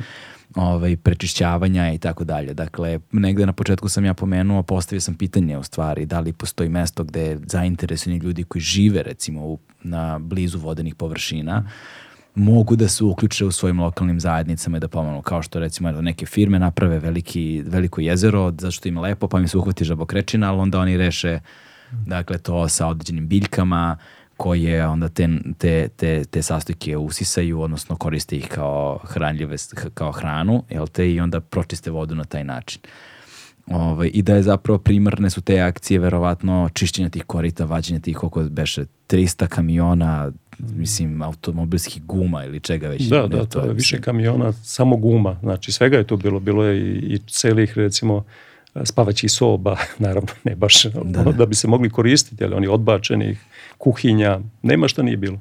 Da. Čak smo našli recimo jedno, dve, tri e, e, bombe iz drugog svetskog rata. Wow. Naime, kada su se, kada su se povlačili e, tada Nemci, oni su išli nekako tim to je mala uvala tu gde se nalazi prostor Malog Dunava i onda su ih tu uh, Rusi bombardovali i onda su završili i te bombe. Kažem, evo, recimo dok smo radili Mali Dunav, smo tri našli te neke neeksplodirane ovaj, Mhm. eksplozivna sredstva, kako se to zove, stručno. Da, šta bi, da, šta bi recimo bili savjeti za ljude koji imaju blizinu? Tako, ja, mi smo imali kao klinci, sad to više ništa, to su sad sve stambeni kompleksi i fabrike, ali smo imali tu ono, uh, ta, ne znam kako, mi smo to zvali bare, močvare, šta li je to već bilo, gde smo hvatali one male teždevnjake i pijavice smo hvatali, mhm. mislim šta sve nismo.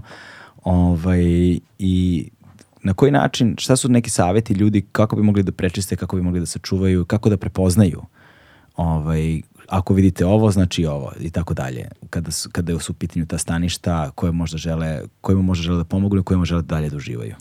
Pa evo opet možda svako polazi od sobstvenog primjera. Mm. E, ja sam neko kao ko je na čelu te priče koja se zove tim za stvaranje i pravljenje ovaj, e, malog Dunava, u jednom momentu postavio sebi pitanje. Ne znam, mi se bavimo naukom, pa sad objavite određen broj radova pa dođete do nekih 10, pa hoćete 50, pa dođete do 100, hoćete 200, pa hoćete 300, pa ne znate šta je to kraj, pa pišete knjige stručne, pa onda to bude opet nešto. S nekim se takmičite, ne znate se više ni s kim, ni sami, sobom. sami sa sobom. Sobstvenom sujetom. I onda kažete, pa da li ima još nešto što bi možda čovjek mogao dati doprinos prema nečemu što je u vezi sa njegovim postom. I upravo je tu sam došao i na ideju da bismo taj neki zapušteni deo mogli pretvoriti u neki eksperimentalni poligon, da nešto tu pokušamo, da nešto uradimo da damo neki primer kako to može. Ili kod nas u Srbiji šta god da krenete, uvek će dobiti, a ne može to. A što mm. ne može, pa će vam naći sto razloga zbog što ne može. A, a kažete, dobro, imali neki argument za može, pa eventualno ćete čuti neki argument.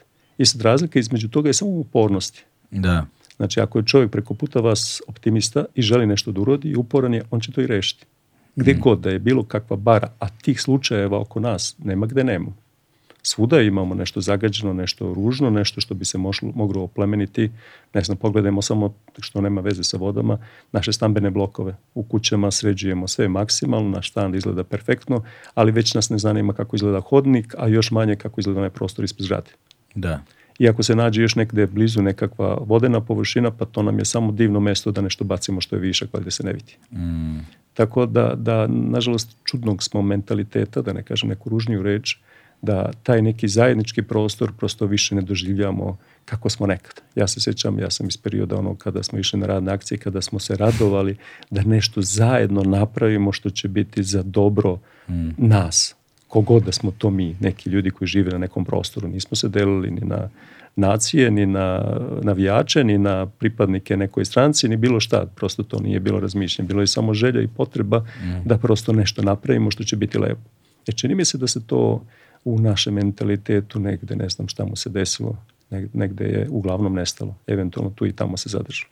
E sad ono što zaista raduje, da je opomenuo sam malo pre te ljude ovaj, iz Rakine bare, da imaju ti neki uh, te neke ideje, gde čujete neku lepu priču, neke želje, neke, neke ljude koji se skupljaju pa se na taj način druže i na taj način pomognu prirodi, pa nešto prečiste, pa skupe se, ako ništa drugo pročiste, odnosno pokupe plastiku sa obale reka, pa su tu opet neke grupe, pa onda se uveče napravi to neko druženje, pa opet ima nekog pozitivnog efekta. Da li postoje neki konkretni priručnici uh, za ono amatere koji su zainteresovani da nešto urade u lokalnoj zajednici. Da li postoje, znači to bi bilo zanimljivo da postoje neke konkretne ono izvori informacija. Evo sad ste je ovaj baš, e, mi smo, bio je tu neki konkurs, da opet ne imenujem neki interni naš i ovaj, ima je ovaj taj prefiks zeleni, mm. da sad ne kažem ima još jedna reč pa bih onda sve rekao. Jasne, da, jasne. I sad smo baš konkurisali mi, e, znači sa našeg fakulteta, ja sam i pisao tu aplikaciju za jedan, za jedan projekat gde je jedan od ciljeva upravo bio to da recimo naš mali Dunav bude mesto gde će ljudi moći da dolaze, da pravimo kurseve, da pravimo te nekakve priručnike, da to bude neki e, na očitom primeru, na ličnom primeru, na, na primeru ne samo E, ne znam čega ulaganja. Znači mi smo tu uložili, konkretno radimo sad 17-18 godina besplatno nešto. Mm. Znači ni jedan radni sat nikome od nas nije plaćen. Drugo, kad god je trebalo platiti nekog majstora, nema neki para, vi te treba da rešite sad, ne možete da platite preko, ne znam, računa koji će vam poslati majstor koji nema račun. Znači, da, da. morate re, rešite problem pumpe koja ne funkcioniše sad. Morate pozovete majstora koji morate odmah da platite, što znači plaćate iz svog džepa. Da. I onda kad saberete sve to, te troškovi, to su ogromni troškovi, to je na, za, za, za recimo 18 godina, recimo taman u nivou da možete kupiti jedan stan. Da, da i, i ovaj, e, konkurisali smo, da završimo priču, na taj konkurs baš sa tom pričom. Dajte da budemo očiti primjer, da tu obučavamo, pričamo ljudima, ali da to bude kroz neki organizovani način. I šta smo dobili kao odgovor? Negativan odgovor. To se ne podržava. Da. Čak recimo, evo, slobodno mogu reći, Mali Dunav od 2011. godine nije dobio ni jedan projekat. Ni od koga sve što smo stvorili, napravili smo, napravili od novca koji smo sami zaradili. Mm. Ili tako što su, eto, posetioci plaćali te nekakve simbolične nadoknade s koje smo svesni da su simbolične, jer to nije komercijalno, nismo ga pravili da bude komercijalno. Nećemo da zarađujemo, hoćemo samo da bude održivo, ništa da. drugo od toga. Jel, jel postoje opcija za doniranje? E, pa postoje, ali nema interesanata, ima pitanja, ali ne interesanata. Evo, pozvaćem ljudi, posetite Instagram stranicu Malog Dunava, a, posetite Mali Dunav, toplo preporučujemo da to uradite i ono, donirajte. Mi ćemo stavimo ako ima neki link za donacije. Nema, da ćemo... nema, nismo ga stavljali, ali recimo ljudi su nas često pitali, međutim kažem ovaj... E, ako lažem, ima broj računa ili nešto? Evo, u poslednjih 11 e, godina samo se jednom desilo da jedna koleginica e, ovaj, sa mog fakulteta poljoprivrednog, recimo uradili smo jedno naselje preistorijskog ribara i pitala je, e, ja bih to nešto da pomognem. Mm možete da je kažem, pošto to nije reklama, to je da. kolegnica profesorka Dragica Brkić, ja kažem, Dragice, pa čekaj, šta ćeš ti da daš sad? Da, ja hoću da dam 2000 euro. Pa rekao, ja znam kolike su naše plate profesorske, to je, što kažu, jedva da prihranimo svoje porodice. Kaže, ali ja i hoću da dam doprinos tom. Rekao, Dragice, ja ne mogu da ti uzmem novac, jer ja znam da je to prosto... Mm. Pa kaže, kako ti možeš daješ svoje? Pa rekao, to je moj krst koji ja nosim, ali ne moraš i ti da ga nosiš. Da. A kaže, pa dobro, ali nešto hoću. I rekao, ajde, ok, evo, naći ću ti prostor ti ćeš da recimo naručiš neke tamo figurine koje smo postavili kao eksponate u okviru toga i to ćeš ti onda platiti.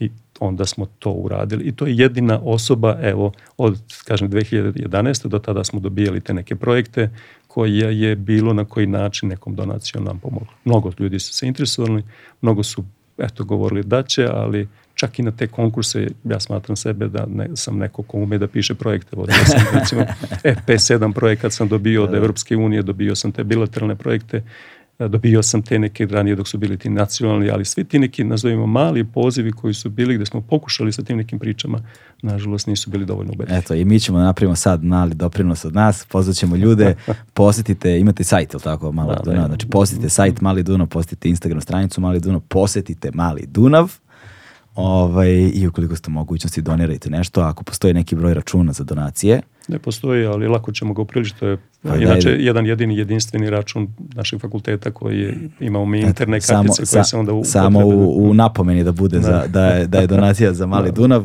pa ćemo mi da stavimo u opis ove epizode na svim platformama i onda ljudi to mogu da urade ako žele. No, šta ćemo s tolkim novcem? Kamo, sreće da, da, da je tako, ali ako bude nešto, super, da, dobrodošlo da, da, Šalim se, šalim ovaj, profesore, hvala vam puno. Hvala vam što smo imali priliku da vodimo ovako lep razgovor, čini mi se o lepoj temi ribarstva nije, vrlo. Često, nije česta tema, ribe još ređa, ali mislim da su zaslužile da pričamo mnogo više o njima. Je, i mnoge druge teme. Ja se trudim koliko je moguće da zabacim mrežu što je, što je šire moguće, ovaj, sa manje ili više uspeha zavisi od okolnosti, mm. ali nadam se da su ljudi barem nešto korisno čuli. Ja svakako jesam jer o ovoj temi zaista skoro ništa nisam znao, što se negde i vidi iz mm. razgovora. ne, ne, ne, ja sam već dao jednu osmicu, nemojte više se da tražiti. neće, neće, neće, hvala puno. Hvala vama. Stigli smo do kraja, to je to. Ćao. Ciao.